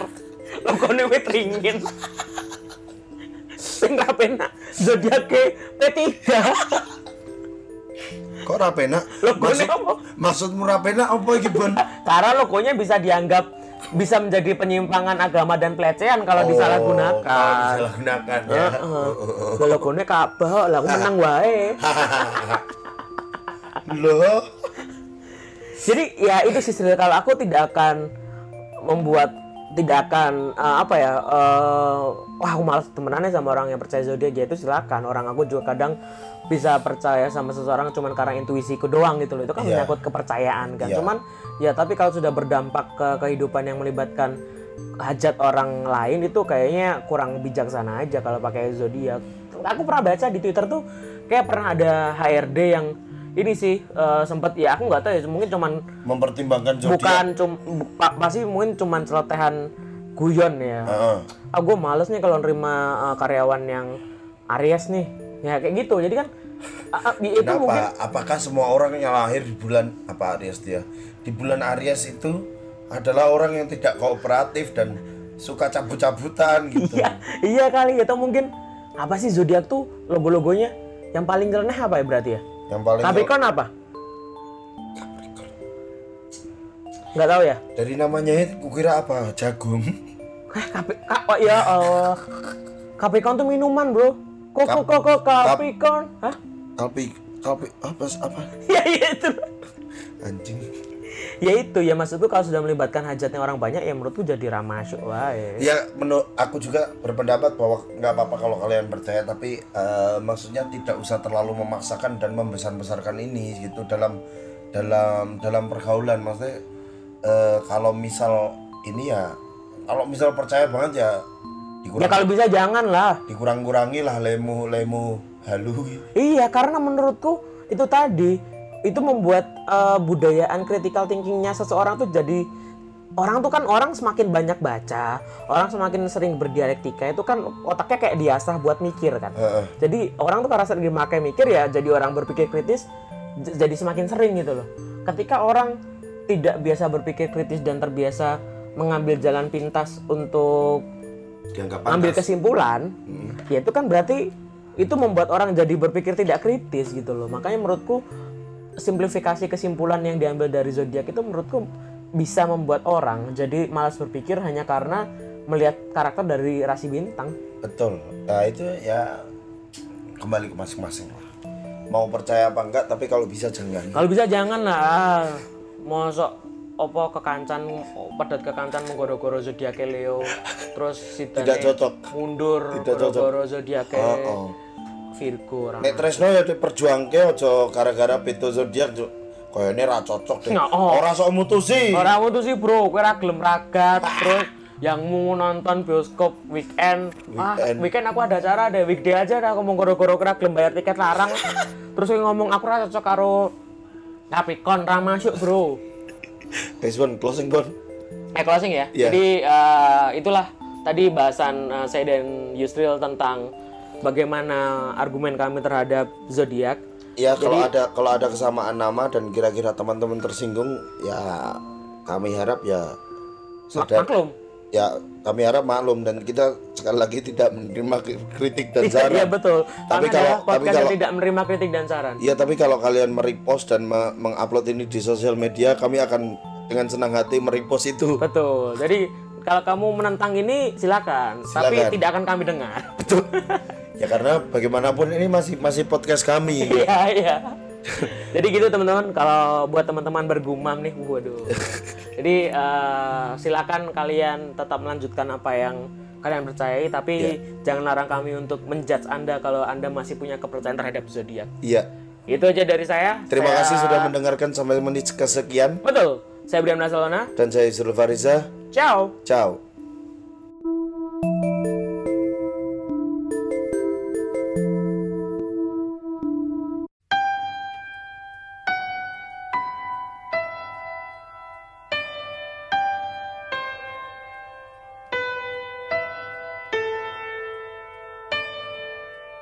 Selamat datang kembali di podcast Bergumam episode ke-12. Bersama saya Yusril Fariza dan juga rekan saya Gerard Way. Endasmu. Bukan kok seolah-olah seolah-olah kamu sudah memperkenalkan tapi bener Bon aku dulu eh, awal-awal bikin Friendster karena tahun-tahun segitu ya. Hmm. bikin Friendster tuh pakai profil picture-nya Gerard Way Kalau saya impersonate Gerard Way nggak pernah, tapi Tom Dilong saya. Bling. Apa jadi kayak Brian Dilong gitu-gitu. oh aku Bennington tapi soalnya kan soalnya Gerard Way kan nggak ini toh nggak Iya, iya. Yusril Way gitu Iya, aduh. Kalau apa nih nama jalan Bennington tuh iya iya benar-benar. Iya, jadi kayak terus juga nggak suka pakai nama Gerard gitu, Gerard. iya, iya. Masa Gerard Fahriza apa? Elek ya. Iya, elek. Nggak nggak masuk. nggak masuk. Dulu tuh masuk. jadi eh, pada episode kali ini kita akan membahas sedikit eh, seluk-beluk dan juga Pak apa ya sedikit- Yang bikin rame nih seminggu belakangan ini serius. sebenarnya nggak seminggu belakang eh, iya ya iya sih seminggu, Seminggu, seminggu seminggu. belakangan karena eh, mereka mengumumkan eh, si My Chemical Romance ini mengumumkan untuk eh, melakukan reuni pada 31 Oktober kemarin Eh, setiap personilnya yang kita tahu eh, masih empat ya kayaknya ya Bon ya? Iya. masih Gerard Way, Ray Toro, eh, Frank Lero, Bang Hero sama, Sama ini. Mikey. Mikey adanya. Mikey Way. Gerard, ya. Padahal Mikey itu sempat keluar dulu Hmm. di album setelah eh, kayaknya di yang Danger Life itu loh. Hmm. Killjoys Killjoys itu dia dia sempat keluar karena eh, menikah kan, ingin Iya. menikmati hidup barunya sebagai seorang bapak gitu. Cuman i- akhirnya tuh kayak apa ya MCR tuh eh kayaknya kita berdua punya pengalaman yang kurang lebih sama ya, maksudnya Iya. be- be- besar besar Di tahun itu eh, besar tahun itu dan eh, kita ngikutin dari dari album yang eh, mereka belum terkenal banget sampai akhirnya pecah banget di Black Parade itu kan kita ngikuti gitu loh. betul. Jadi kayaknya uh, pengumuman mereka reuni setelah hiatusnya kayak ya kayak oase karena udah banyak yang nungguin juga. Betul Pak dan pada masa itu kalau memang eh, sepertinya menjadi sebuah standar keren Mhm. anak muda waktu itu untuk nge ham- ham- untuk ngefan MCR Ya. dan hampir kayaknya meskipun nggak semua ya pasti kan Hmm. ada ada eh, anak-anak yang edgy pada masanya yang menolak menolak untuk ngefan eh, Hmm. Iya. MCR karena dianggap terlalu menye gitu Iya, kan waktu iya. itu Dan karena setauku waktu itu MCR itu yang album Black Parade, Mhm. uh, Welcome to Jungle bukan dong. Welcome to Welcome To to, my bukan. Uh, welcome to the Black Parade itu jadi peringkat satunya di MTV waktu di global itu loh. Iya, Apa MTV namanya? Global. Artist of the Month. Artist of the Month itu aku sempat nyatet tuh Iya kan? jadi tahun 2006 itu aku nyatet ah, bulan ini siapa bulan ini siapa Iya, gitu jadi iya, iya, iya. kayak waktu Januari itu mm, eh, Juni waktu itu kayaknya Snow Patrol The Killers, The Killers pernah. terus, eh, sama POD pernah Iya, terus, siapa Muse pernah waktu itu terus sama ini juga apa namanya River Maya juga pernah. River Maya tapi Asia highlight Iya masuk Asia Asia. aja Maksudnya artis of the month itu pernah masuk dia. Iya. Hmm. Ya waktu itu memang memang si kenapa eh, timeline kita tadi kan si Jojo kan ini kan sempat meng apa ya menggelindingkan sebuah bola salju di mana dia mengungkap eh, foto-fotonya masa Oh, iya, masa-masa iya. tahun segitu. Zaman-zaman ketika Joshua Suherman masih punya band yang band emo namanya Joinside tahu nggak? dia punya punya band emo Joshua Suherman. dia Joshua punya band Suherman. emo namanya Joinside Eh, kemudian eh, apa ya singlenya tuh kalau nggak salah dia bobo tapi versi emo gitu jadi jadi dia meng- mengunggah fotonya dia waktu, waktu dia ngeband di itu enggak kayak kayaknya kayaknya bukan waktu ya fase-fase imo ya fase-fase dia imo gitu yang rambutnya tuh mulet-mulet yang poni Iya. lempar gitu gitu ini visualisasi dari wallpaper imo yang sangat terkenal itu loh iya yang ada apa itu I'm sure never let you go Iya, yang- Wih, yang kalau dipeluk teman- dari belakang Dipeluk dari belakang betul betul. Yang kalau teman-teman tahu itu Nah. wallpaper itu hampir dipakai di semua HP anak-anak imo. Nokia saya waktu itu pakai Nokia 6600 tuh uh, wallpapernya itu Aku Sony Ericsson dulu, Sony Iya, Ericsson eh, T100 apa ya? T100 kalau eh G520, Iya, G520. ya pokoknya ini wallpapernya orang pasti tahu lah teman-teman. Jadi Pasti kayak tahu, jadi orang kayak- yang meluk dari belakang gitu. Eh, ada cowok Hmm. meluk dari belakang dengan poni lemparnya terus di, de- di depannya ada cewek gitu. Iya, kata-katanya sering-sering ganti itu. Iya, A- biasanya. Ada yang tadi I never let you go, terus ada yang I can live without you. Iya. I will live apa I will love you forever gitu-gitu lah. Tapi eh, di masanya, di Hmm. tahun-tahun segitu pun ya, eh, mungkin kamu juga merasakan bagaimana hype-nya emo ini sangat terinfluence dari My Chemical Romance. Ah. Dari dari band eh, ini di album eh, Three Cheers for Sweet Revenge itu. Mhm. Sebelumnya kan dia ngerilis album, cuman aku tahu cuman satu lagu tok di Yang albumnya panjang itu judulnya Iya, ya, I judulnya broke you my ballet, you broke Ah, me You your Broke love. Hmm. Me Your, ah, yeah, Your Love itu ap- ada satu singlenya Vampire Vampire apa gitu. Iya, iya. Terus sering tak jadiin tak jadiin apa aku kalau punya sesuatu tuh tak namain Vampire. Nah, Terus kalau apa Vampire will never hurt you. Ya itu dia itu. Padahal lagunya juga nggak enak-enak banget. Itu penuh-penuh teriakan-teriakan itu nggak jelas. Hmm. Perke- Perkenalanmu dengan Three Cheers for Sweet Revenge nih bagaimana pun? kan itu tadi aku pernah ceritakan jadi sebetulnya tuh eh, yang cukup mengenalkan aku sama MCR itu jadi waktu SMP tuh aku pernah ngeband Ha- hampir hampir kayak banyak cerita musik tuh kayaknya dari ngeband dulu deh Sril, waktu SMP Sril. Oh Karena kamu ya? Mm-mm, karena waktu itu di SMP ku tuh ada grup band populer di angkatanku itu mereka bawain lagunya Chris Pati, Samson gitu-gitu. Oh masih Ungu. masih masih masih segitu tuh. Nah, ungu yang ini pun ungu yang apa Demi ya? waktu. Demi waktu itu. Demi waktu. iya, Nah. tahun-tahun segitu. Terus kan kita sebagai ini nih anak SMP yang edgy nih, Iya. berusaha menentang apa pun yang lagi populer kan. ya udah kebetulan temanku tuh punya koneksi kakak yang koleksi musik apa kaset-kaset dulu Sril. Iya. Jadi itu ditularin ke dia, nah itu ditularin ke teman-teman. Nah kebetulan aku ikut itu. Nah waktu itu aku uh, ngecovernya waktu itu Yellow Card, terus lokalnya tuh Oh Sendoko. yellow, yellow card yang ini Lights and Sound. Uh, yeah. Iya, let's- Oh, Seven Sound. Seven Sound. Bukan soft seven. Seven Sound, iya se- Seven Sound bener. Emang iya. Iya Seven Sound, oh Seven the Sound terus Sound. Vince. Vince, Vince itu, oh. peradaban. bukan bro, bukan bukan. Terus sama itu The uh, Vince yang Letters to You ya. ya Letters to You. Tapi waktu tuh aku cover tuh What It Is to Burn. nah terus yang uh, akhirnya yang paling banyak aku cover waktu SMP itu MCR. Mm-mm, Karena satu itu common lah waktu itu lah ya. Betul, betul. Jadi awal kenalannya dari eh, apa namanya dari MCR itu Helena atau Helena dari I- Helena. Okay. Dari Helena, Helena. Dulu kan waktu itu Helena tuh kayaknya video klipnya semua orang tahu deh. tapi eh, di lingkup lingkar pertemananku pun semua orang itu taunya I'm Not Okay dari eh, kompilasi album eh, Super Fresh atau Oh, itu yang gambar jeruk. Nah, gambar jeruk itu kan itu ada eh, Avril Lavigne, ada Dashboard Konvensional, ada Iya, iya. apa itu ya? eh, itulah pokoknya lah. Kenalnya dari situ. Karena dari situ kalau kamu di Helena, Dari dari Helena. Cuman album di di di apa namanya di album eh apa namanya di Tri apa namanya? Cheers, Cheers, Iya. Cheers for Sweet Revenge. Wangele, Three Cheers for Sweet Revenge itu adalah kalau dari segi musikalitas itu susah dibawain kalau menurutku karena kan kenceng semua kan. Terus Terus speednya speed itu ya. iya, terus apa vokalnya banyak yang bener butuh energi gitu loh. Nah, makanya waktu itu aku lebih banyak covernya nyedi Black Parade. Itu waktu itu aku bawain Ghost of You itu rasanya kayak udah paling pinter gitar sak solo aku, Bro. Padahal gitarnya mau ngono-ngono gitu. Tapi maksudnya emang perkenalanku dari MCR karena waktu itu ngeband SMP.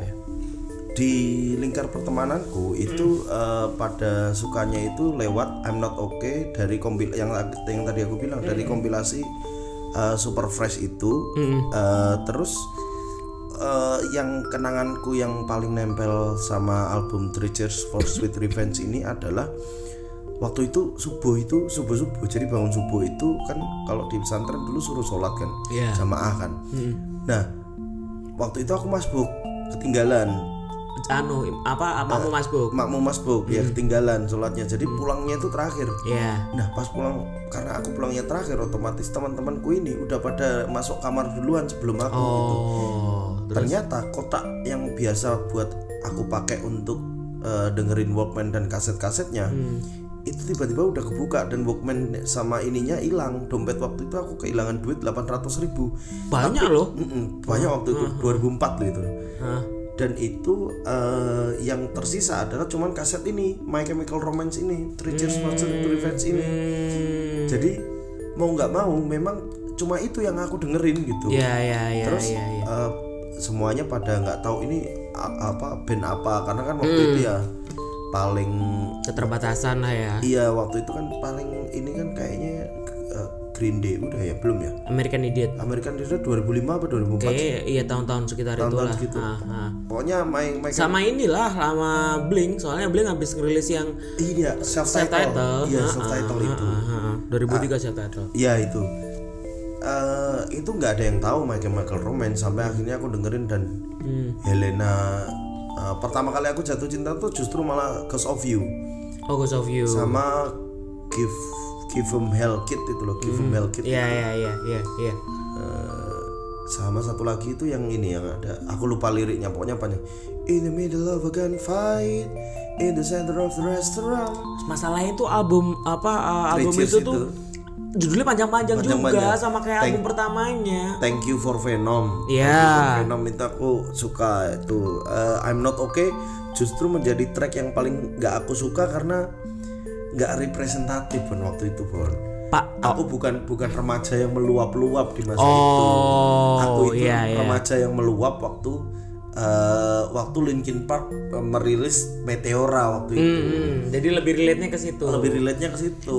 karena karena kalau dari album itu tuh kayak uh, The Jet Set Life is Gonna Kill You terus uh, Thank You for the Venom terus It's Not a Fashion Statement tuh kayak buat anak SMP pada waktu itu kayaknya tuh terlalu kencang kalau menurutku temponya tuh cepet semua itu Iya dan rata-rata tidak pada paham liriknya seperti apa Iya. kan. Yang penting koyo-koyone asal bengok emosi ngono wae. Pokoknya emosi nonton mau digebuki emosi bro pokoknya nek emo iki asal bengak-bengok, asal wah wah, wah, wah, emosi. Ya rei emosi. emosi wis emo banget wong Pokoknya nek gitar gitar, gitar wah wah, wah, emo. Padahal padahal kalau I'm Not Okay itu menurutku malah lagu yang eh, kalau dibilang kan banyak sebetulnya ilmu itu kan nggak pernah jelas batasannya seperti apa ya sebenarnya. Betul. Banyak yang bilang ilmu itu dari segi musikal, Iya. ada yang ngomong dari lirik, Lirik ada yang ngomong fashion dari fashion. juga. Nah itulah kenapa Bon eh, ada waktu itu aku sering waktu itu kan bacaanku high kan, Hmm. meskipun akhirnya berakhir pada disita ustadz ustadz ini. Hmm, Emang eh ustadz ustadz, eh, anda menyita high saya, menyita uang sepuluh ribu saya setiap minggu. Oh, waktu itu ada parah Bon edisi high. Jadi high waktu itu eh, lagi naik naiknya si Jessica Alba. Hmm. Terus covernya Jessica Alba pakai bikini Terus akhirnya disimpan di pesantren. disimpan di sepat tak bawa masuk dong Nah, ketahuan Ustadz. Terus? Wah majalah apa ini? Populer ya katanya. Populer.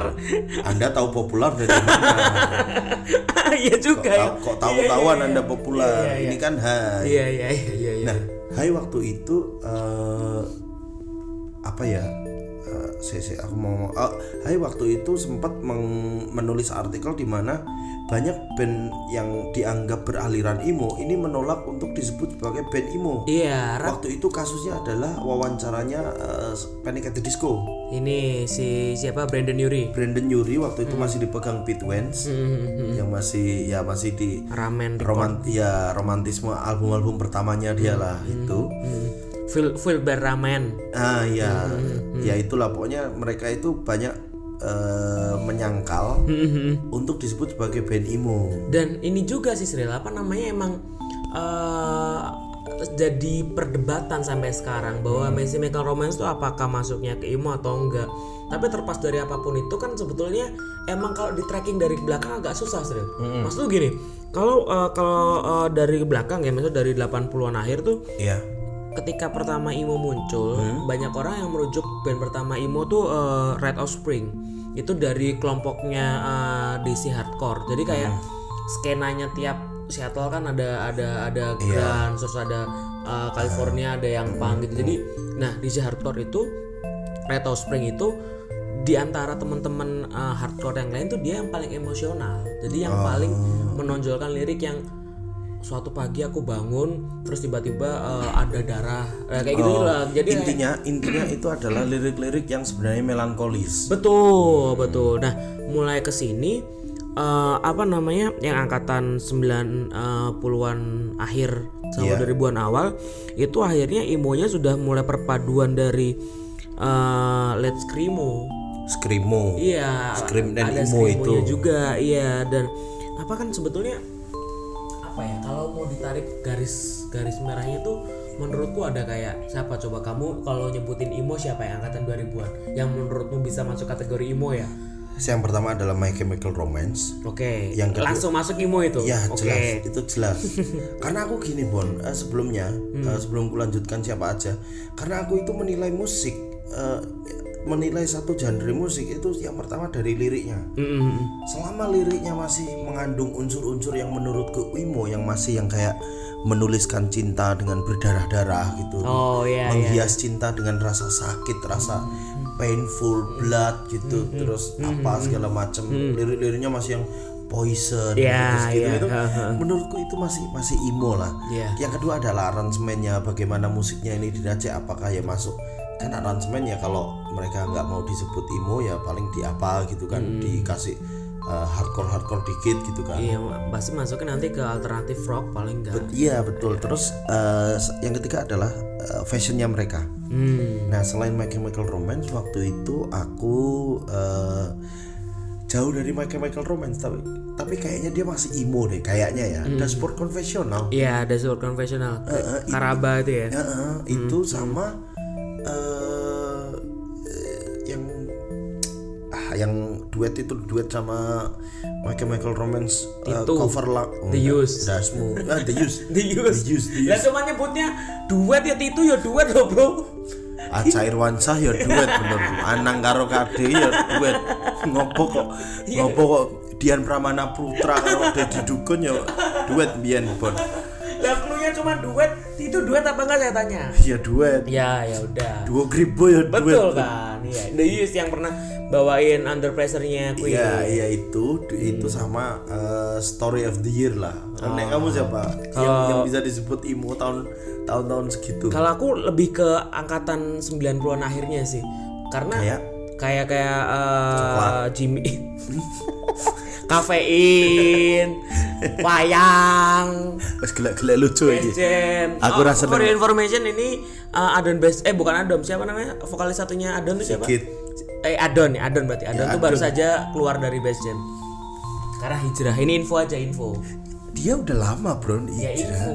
Info aja. Dia kan udah ngerilis album Rohani dulu. iya tapi hijrah tapi beda server Gelek-gelek lucu. iya iya jadi aku. jadi kayak eh, Jimmy Eat World terus kayak eh, The Get Up Kids Iya. terus eh, menurutku American Football juga termasuk itu cuman gelombang emo yang besarnya itu sebetulnya itu per 2005 menurutku Sril 2000 Fans Warped Tour kamu kan tahu kan Fans Warped Tour yang dulu tuh didominasi sama band skate punk Iya. punk nah per 2005 tuh Fans Warped Tour tuh udah mulai apa namanya dipenuhi sama anak-anak yang yang seperti kamu sebutin tadi di emo secara fashion Iya. akhirnya terus meledak tuh bang, apa uh, Taking Back Sunday Hmm. terus kayak uh, apa namanya angkatannya Vince Hmm. terus uh, kemudian akhir-akhirnya ke sini kan kayak Panic! the Disco keluar nah Iya. menurutku sih kalau disebut emo tuh kita boleh berdebat tentang ini ya musiknya seperti apa? Apakah banyak screamnya ataukah kemudian hardcore uh, tempo yang secepat apa? Sausin juga ada di beberapa saat bisa sangat melo. Kemudian bisa kemudian penuh dengan screamo. Cuman menurutku yang benar-benar tapi merapres- Ban, sebelum itu sorry. Ah, sausin tuh bukannya dibacanya sausian ya? So- ya tapi saya orang Indonesia kan bahasa sausin semua. Sausin itu pernah dibahas sama Adri Subono. Kenapa Uh, saya kan nonton tuh yang di Jakarta. Iya. Saya dapat posternya kan. Nah, Adri Subono tuh kalau nggak salah ini kayak bikin question eh bukan questioner kayak trivia gitu loh. Dia bikin. Sausin tuh dibacanya bukan Sausin dia bilang gitu. Waktu itu uh, eh bukan Anthony Green udah uh, siapa namanya Croft Rib- siapa? Vokalisnya yang gantiin Anthony Green tuh bilang. Oh Wahyu. Bukan. Tony dia bilang pokoknya Sausin tuh bacanya bukan Sa- eh, bukan Sausin se, se, sa- Seosian Ya si Ocean itu Terus dia juga waktu itu Sausin tuh pernah bilang Aku kaget loh. Metu sekolah bandara Gue nonton aku di papan baliho gede banget itu loh. Karena di negara dia dia bilang aku nggak pernah dapet baliho segede ini buat tampil. Oh. Gitu. Jadi balik lagi kalau aku benang merahnya untuk kenapa bisa band disebut emo tuh kalau aku dari emang dari lirik sih Sril. karena iya lirik lah. Eh li- emo itu kan ah, menurutku selalu punya garis merah yang sama tentang energik terus powerful tapi juga bisa hateful secara bersamaan. Karena emonya tuh kan emosional kan. Lebih ke emo tuh kayak aku tuh melawan society loh. Aku tuh ditolak society. Eh se nek nek seperti Hmm. itu apakah lalu muncul pertanyaan kadang-kadang aku juga pengen bertanya sih. Hmm. mungkin eh, teman-teman di sini eh teman-teman di sini. Hmm. mungkin gue juga bisa bisa untuk membantu menjawab bahwa kalau misal liriknya hanya sekedar eh, menjadi pecundang di masyarakat Hmm. rata-rata grunge tuh kayak gitu juga. Tapi dia nah yang membedakan ya menurutku nih ya. Jadi kayak I'm not okay itu. I'm not okay itu kan dia memang hateful tuh. Dia kan merasa tersisihkan dari anak-anak populer di kelas. Kemudian dia merasa bahwa dia tidak tidak pernah menjadi bagian dari anak-anak yang gaul. dapat perhatian gaul. Terus kemudian percintaan diajak cuman uh, at the end of the day dia merasa harus bangkit. Dan dia selalu punya alasan untuk hidup dengan cara itu tadi. Apa namanya? Struggle ya. Mm-mm, struggle-nya itu. Nah menurutku apa yang membedakan ya mungkin dari Imo tuh ya lebih ke situ ya. Karena selalu ada dia merasa diasingkan dunia terus pertentangan dia berusaha melawan dengan baik loh dengan caraku sendiri sing dandanannya aneh menurutku tapi menurutku ki keren. Itulah kenapa banyak band emo itu justru melawan eh, eh, image rockstar saat itu ya. Maksud gue bukan melawan bukan berarti menghadirkan sesuatu yang baru tapi kayak kayak mereka menghadirkan eh, bahwa nek nek kue band-bandan ini nggak harus dandananmu urakan tapi kamu bisa bisa pakai Ya. eh, kemeja rapi Iya, me- dashboard konvensional Heeh. itu malah justru menurutku adalah kayak kayak band- band-band Britpop ah iya iya iya dandanannya eh, anak-anak biasa aja gitu, Iya, iya. tapi mereka lirik-liriknya tuh lirik-lirik yang ah, I'm selfish, I'm wrong nah, itu loh lirik-lirik yang aduh aku salah, ini paling Iya, bener iya, kok iya, gitu. iya, iya, wes kowe sing bener, aku tak sing salah lah ora apa-apa. Itu imo lak ngono kuwi to. Ibu imo banget. Wes, itu sayang pora nek ora ya wes tak lunga. Ngono kuwi. Nerimo yang pandum. Nerima yang bantu. Aku aku cinta karo kowe sampai mati nek ora kowe ora. Wah. Dan balik lagi ke, ke MCR nih, Sril. Ya. Kan eh, setelah 2013 kan mereka eh, hiatus kan, terus balik lagi tuh 2014, Bon. ya antara itu 2013 2014 lah. Nah, eh, apa namanya? Sebetulnya tuh yang menarik adalah banyak orang yang menyesalkan juga ternyata Srit. Kenapa? Karena banyak yang bilang ya udah harusnya MCR tuh berhenti di situ biar punya status legend gitu loh. Oh, berhenti. Ya udah berhenti aja di situ. Oh, status mereka kembalinya. Iya. Tapi waktu waktu waktu mereka memutuskan untuk istirahat gimana pun, aku sih karena karena aku tuh begini. Eh, di satu sisi aku memang sangat mengidolai My Chemical Romance waktu itu 2006 itu aku mengidolai mereka dengan sangat terus s- sangat menyesal juga waktu mereka datang ke Indonesia dengan formasi berlima itu aku nggak bisa nonton. Betul waktu itu 2000 berapa sih 8 ya? 8 2008 itu awal-awal kuliah aku. Waktu itu aku nontonnya Angel and Airwave. Jadi waktu itu kan anak SMA kan. Iya. Satu tahun bisa nonton konser dua kali itu kok kayak anaknya Sultan. Belum terlalu jadi ya udahlah, enggak ini. Nah itu pada waktu itu eh, aku memang sangat mengidolai Chemical Romance kemudian eh, sewaktu keputusan mereka untuk eh, break untuk eh, vakum di, di dunia musik aku satu sisi aku menyesal tapi di sisi lain aku memang mencukupkan. Ya wes lah memang memang cuma segini kok. Iya iya. Iya dan menariknya adalah MCR itu sebelum mereka sepopuler ini ya. Iya. Gerardo itu dalam satu wawancara dia pernah bilang bahwa eh, MCR itu bukan sebuah band tapi sebuah idea jadi Oh. dia bahkan pernah mencanangkan setelah Black Parade itu MCR itu bubar. Emang? Karena dia nggak siap dengan jangka panjang dan kepopuleran sebesar ini. Oh. Gerardo pernah bilang gitu. Jadi ya udahlah bandnya bubar tapi ide kita sebagai MCR tuh bakal tetap ada dan itu bisa ditumpahkan jadi komik. Iya, ini trivia ya. Eh, m- eh, sebelum kita kembali membahas masalah mereka eh, vakum, trivia ini Black Parade itu adalah album di eh, waktu itu mereka mendapatkan ya biasalah kalau band sedang naik kan pasti ada kritikan pedas yang yang akan naik ya juga ya gitu loh. ya. Waktu itu mereka mendapatkan kritikan pedas oleh eh, media Inggris Daily Mail waktu itu. padahal Daily Mail tuh kurang relevan sih Iya, Daily Mail waktu itu eh, bilang apa meng- ada satu kasus kematian. Mhm. Kemudian eh, di di kematian eh, di- itu kema- matinya itu gantung diri gitu. Hmm. Ah, Kemudian di kaset di beberapa Oh, box kasetnya itu ada MCR. eh, yang terakhir dia dengerin jadi adalah The jadi Black kayak gitu. dicurigai bahwa MCR itu ditengarai sebagai salah satu trigger buat dia bunuh diri. Betul. Ah, dan dia eh, seolah-olah eh, langsung menulis bahwa album The Black Parade ini milik Hmm. MCR ini adalah album yang mengkampanyekan kematian gitu. oh yang sedang mensosialisasikan bahwa mati itu adalah Iya. solusi bahwa dengan kejenuhan kamu hidup itu apa sih yang kamu cari ya wes mati itu adalah sesuatu yang indah untuk mengakhiri ini Iya, semua gitu. apalagi ada ada ada lagu kayak Dead terus Famous Last Word itu lah. Famous last word, Iya. disenchanted gitu-gitu Iya, iya, itu kan kayak kayak meng- meromantisasi kematian nih loh, Bon. terus eh Itu berarti kayak ini, kayak kayak Slayer statusnya. Oh. Slayer tuh pernah dituntut sebagai band yang ditengarai bertanggung jawab atas motif pembunuhan di beberapa kasus di Amerika. Hmm. Jadi kayak aku ki mateni wong karena aku baru mau ke Slayer ki. Nah, Hmm. jadi kayaknya mungkin polisi juga mencurigai anak itu bunuh diri karena terlalu Iya, The Black Parade itu Iya, karena iya, waktu di uh, investigasi hmm, uh, si ininya itu ada satu cover Black Parade itu belum ketutup oleh ini berarti Hmm. uh, indikasinya adalah dia terakhir kali mendengarkan musik itu adalah The Black ya Parade. ya ya. Lalu si Kiradwe bik- buat ah, kayaknya waktu itu bikin statement fuck Daily Mail kuwi. Hmm. Akhirnya dia merubah image image uh, The Black Parade yang tadinya mengkampanyekan kematian kemudian serba gelap itu menjadi lebih berwarna di The Dead apa Living itu Kill Choice itu. Oh, iya, Jadi iya, itu iya. kan awal mula di mana si Kiradwe ini rambutnya merah, Ya ya terus kaosnya lebih berwarna. sudah tidak sekelam dahulu Iya, ya. terus uh, singlenya juga na na na na na na na na na na na na na na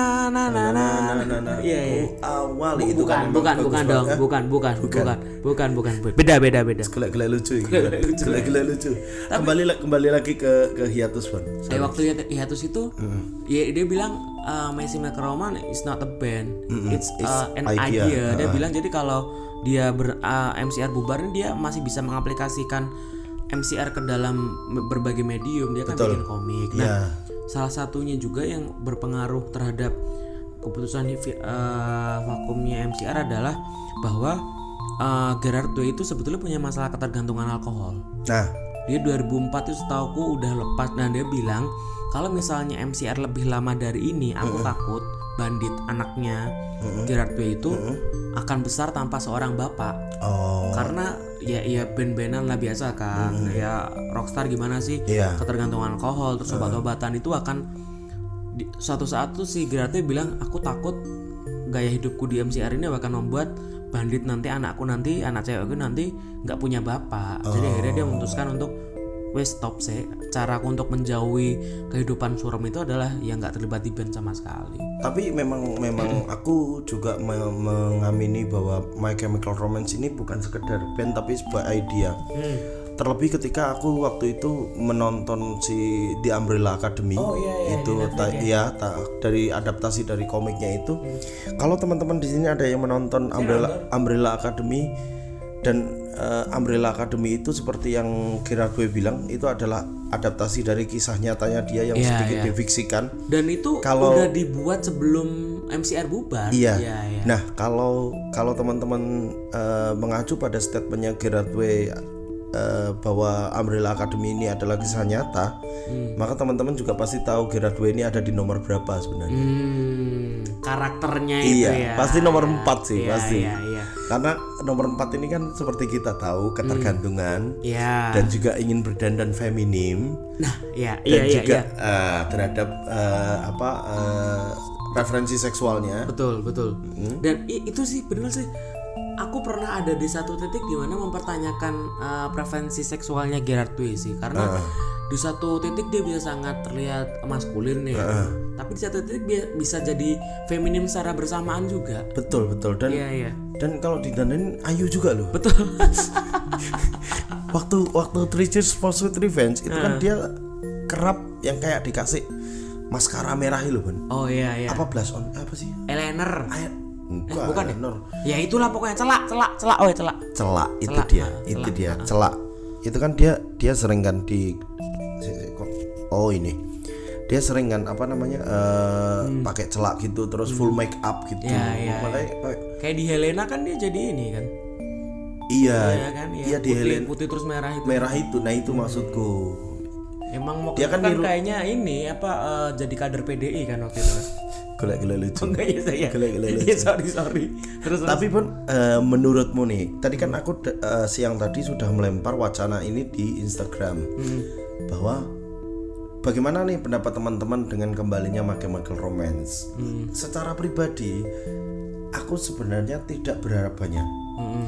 karena ya wes lah mereka cukup cukup eh, cukup di situ saja di tempat mereka yang seperti sekarang ini Ya, daripada nanti harus kenapa-napa kita tahu loh band yang dulunya kita puja kita sudah pernah membahas ini Dewa. selain Iwan Fals terus terus terus. Kita sudah memba- membahas ini kemudian aku sih prinsipku adalah aku pun juga kurang yakin semisal Kurt Cobain waktu itu tidak memutuskan untuk uh, suicide apakah Nirvana bisa semelegenda seperti sekarang Iya, iya. ya prinsipnya dia kan better burn out than fade away kan Iya, kalau menurutku kalau Kurt Cobain masih ada sekarang juga jadi bapak-bapak tua yang isinya marah-marah doang. iya Iya, jadi apa namanya? eh, grumpy old man gitu loh. Grumpy Old Man, Grumpy Old Man ada kok contohnya gitu ada Banyak. ada di Indonesia ada Banyak, iya iya. Hmm. tapi kalau menurutmu sendiri gimana Bon reuniannya ini Kalau reuni sih apa ya? Kan sebetulnya yang yang yang apa namanya yang masih masih masih di musik banget tuh kan si Frank Hero itu. Frank Lero tuh di mana sih Heeh. Frank Hero tuh dibikin proyekan sendiri juga. apa namanya Aku lupa. ah, Sinden Tosca apa ya bukan bro, bukan, bukan. Kenapa tiba-tiba Sinden Tosca? Sumpah yang, yang pertama kali di pikiranku itu Bon Bukan, bukan. Ya gara-gara solo. Project solonya bukan dong. Enggak maksudnya eh, kalau menurutku emang pasti butuh waktu untuk gimana mereka nemukan ritme lagi seperti ketika mereka mulai tour kan. Apalagi tour mereka langsung di Amerika ke Jepang terus ke Australia juga kan. Eh, semoga kita bisa nonton di Jepang. Amin amin. amin amin cuman maksudku ada Jimmy World ini kalau Wira tahu nggak pengen nonton siapa? Siapa? Evanescence itu. Bring Me to Life. Iya tapi Emily-nya udah endut sekarang. Eh bro ngomong-ngomong ndut nih ya. Eh, saya sebel banget eh buat anda yang pakai meme Gerard Way sama dengan Ivan Gunawan nggak nggak semua semua yang pakai apa kemeja merah dan eh apa hitam ada coret-coret goldnya itu sama dengan Gerard Way bro. Kemarin Nasar ada Ivan Gunawan ada Harvey Maleholo juga ada. Orang KPKP ireng gold ki Gerard Way bro. Tapi emang Gerard Way kan menjadi sedikit apa namanya berisi kan lebih berisi kan terus banyak yang bilang wah Gerard Way apa namanya eh, ntar kalau tour apakah gini lagi cuman setauku yang per per 2019 ini kayak emang eh, lebih turun sih si apa namanya eh, cuman Mikey Way eh, Mikey doang yang yang badannya segitu-gitu doang iya karena dia eh, memang stabil kayak. Iya kayak emang anu apa balungan kuru itu Balungan kuru. Cuman maksudku kalau buat reuni itu ya udahlah daripada enggak gitu loh. Oh. Ada banyak hal yang kayaknya tuh ya wes elek ya apa-apa yang penting ono gitu lah itu loh. Karena toh setelah The Black Parade itu nggak ada album mereka yang meyakinkan di publik Bon. Ya. Taruhlah oke lah Killjoys itu dengan Nana Nana dan juga Sing dan juga uh, Scarecrow yang di apa Danger Days itu. Danger ya. Days itu itu kayak ya udah ya udah aja gitu kayak nggak ada sesuatu baru dari dari Michael Michael Romance Tapi kalau aku ya, aku suka sih album itu. Karena eh, kayak menurutku band itu kan pasti ada titik di mana dia merasa nggak mau mengulang formula kesuksesan yang sudah dilakukan di album pertama dan kedua kan. betul Linkin Park juga gitu Blink juga gitu. ya Dan nggak banyak band yang bisa membuat pendengar itu memaafkan itu gitu loh. Iya. Kan banyak yang, wah kira aku album pertama album keloro. Nah kalau di album uh, Dangerousnya aku kayak ya udah emang MCR kayaknya nggak nggak mungkin bakal main di posisi kelam terus ini terus. Kayaknya bakal iya bakal suatu saat bakal cheerful dan lagu-lagunya kayak udah mulai sedikit ini nggak nggak nggak yang sehatful dulu. Tapi menurut tetap itu albumnya bagus. Jadi jadi kalau aku sih belum mengharapkan mereka akan bikin album. Cuman Iya. mereka tour ini menurutku udah cukup jadi Mengobati indikasi ya. Ya belum mereka belum sepenuhnya mati. Iya. dan ya udahlah kita prepare aja. Dalam waktu dekat mungkin setahun dua tahun pasti mereka akan bikin ya nggak usah album lah single tuh pasti ngeluarin lah. Ya single. Yang penting bisa diunduh di Spotify. Iya iya. Terus ini promonya swipe up di story. ya enggak ora kabeh. Iya iya iya. ora kabeh. Ora kabeh kayak ini. Tapi intinya eh, dari antusiasme kalau kamu sendiri MCR ini eh, sangat antusias ya. iya ka- kalau aku sih antusias Hmm. Eh, karena MCR ini kayak kayak satu band band dengan eh, reunian yang yang aku tunggu Hmm. karena selain MCR nggak ada reunian yang aku tunggu lagi gitu Oasis kalau saya. Nirvana nggak mungkin kan aku ya toh Mes- meskipun meskipun tahu nggak si Dave Grohl itu eh, setelah album Wasting Light itu dia eh, tidak bikin album lagi di Foo Fighter. Karena dia mau fokus di Nirvana. Ya dengan dengan berbagai vokalis kayak Queen lah. Kayak Queen yang beberapa kali sama si eh, Lambert. Lambert Adam Lambert dan juga sama si siapa itu Teguh Budi Dalton. Cuk, Budi Dalton. Iya enggak tapi kalau kalau Nirvana kan udah pernah kema yang berapa tahun yang lalu ya yang mereka Iya yang di. Grammy. Iya. Iya itu yang yang si istrinya disorakin itu kan. Ya itu. Terus eh, Sama Linkin Park gak mungkin kan reunian. Iya, masa tiba-tiba masuk Josan Loko kan nggak mungkin kan? kan nggak mungkin kan? Nggak mungkin kan? Nggak mungkin dong. Gak mungkin. mungkin Apa tiba-tiba masuk vokalisnya Kobe gitu. Tetap Jangan tenang. nyerah gitu dong. Coba cari yang lain. Itu mental healing itu. Bro, mental. Lagu Indonesia yang liriknya menyertakan kok tuh ya cuman saya tahu cuma itu. Masih banyak kok. Ben-benan kok piye? Udah, Wan, udah. Terus Linkin Park gak mungkin. Nggak mungkin. Kemudian Oasis. Awasis aku nggak terlalu ini, Oh, nggak Bon. terlalu nggak terlalu gitu ya? iya, nggak terlalu nggak terlalu eh, yang se- tak nanti banget udah Hmm. audio slave udah nggak mungkin. Ya ya, lebih, nggak mungkin. Lebih nggak Tapi mungkin kemarin lagi. setelah eh, apa namanya? eh, Cornell, Chris Cornell. Enggak, setelah MCR ngumumin reuni, enggak selang berapa lama eh, RATM, Rezeki the Mesin, itu juga ngumumin reuni juga 2020. Oh iya, gudeg dari Jogja itu loh.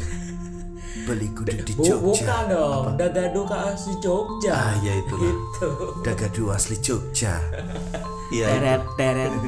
ya semoga semoga ini pertanda yang baik eh, supaya juga ya paling enggak untuk apa ya ta- orang-orang penikmat musik MCR di usia kita ini bisa Ya. kembali menikmati musiknya. Karena kalau menurutku yang yang yang besar di fase yang mungkin waktu 2008 belum punya kesempatan untuk nonton karena keterbatasan ekonomi dan Iya, belum ya, dapat rezeki, kayak sekarang udah berarti paling nggak ya rata-rata kan paling sudah bekerja dan Sudah 11 tahun setelah itu. iya ya mungkin sudah ada yang punya karir dan sudah punya tabungan jadi menurutku ini kayak ya udah kapan lagi gitu loh Ya tapi eh, memang semoga saja aku bisa nonton mereka di Jepang. ya lah. jadi kita punya selain- rencana Iya, jadi, jadi kita punya rencana. Silakan kalau mau ada ini eh, tour and travel, ya enggak juga sih.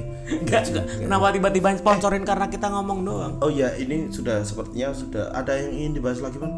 Udah, udah. Eh, sepertinya sudah itu saja. Eh, Kenapa tiba-tiba gitu? Iya, aku tuh gini loh, Ban, berharap bahwa uh, beberapa episode terakhir kita kan kayaknya tidak banyak yang mengunggah di sosial media.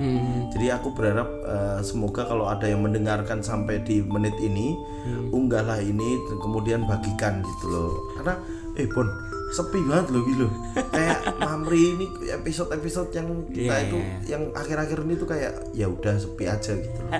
ya udahlah yang penting berkarya. Yang penting ya saya sama Bu Nasi mencoba untuk tetap konsisten untuk mengupload dan juga memproduksi karya-karya karya. keisengan sih, keisengan sebenarnya. Ya udah, pokoknya welcome back MCR. Uh, Ya. Apa pun yang uh, main ke Indonesia atau main ke Singapura atau apa ntar uh, kita akan selalu menyambut dengan antusias dan mau bikin lagu atau apa yang penting kalian balik lagi ngeband. Udah Betul, betul dan tetaplah menjadi inspirasi bagi Teguh Fakitos. eh Teguh Fakitos lebih ke Muse sih, aduh lupa aku. Siapa ya band yang MCR banget ya? Oh Chris Ini. Patih. Kok Chris Patih? itu kan video klipnya mirip Bon. Enggak, video klipnya Mary itu Lila. Video klipnya Ghost of You itu sama kayak Lila. Lila yang apa? Lila yang mantan kekasih apa ya? Mantan kekasih. Oh, tapi kalau yang eh, biarlah ku simpan itu hampir sama, Bon. Sama ya, hampir sama. Ngangkat peti matinya. Ini. Oh iya bener-bener Helena ya kayaknya. Iya, Helena, Helena itu yang lagu buat neneknya yang meninggal ketabrakan itu. ya udah. Helena Lee Rush. Kan kita udah pamit tadi. Oh iya, oke. Terima kasih teman-teman yang sudah mendengarkan. Jangan lupa kalau memang eh, eh, apa masih mendengarkan, semoga di share di sosial medianya. Berharap ini, Bon. Berharap ya Berharap, ini. berharap, berharap. Karena daripada sepi loh. Betul betul betul. Capek juga nge-repost repost sore di kota orang ini. Beberapa memang sengaja saya tahan, maaf ya. Iya iya iya. Ya. Thank you udah mendengarkan sampai menit kesekian. Sampai jumpa lagi di episode bergumam selanjutnya. Now come on, come on to this tragic affair.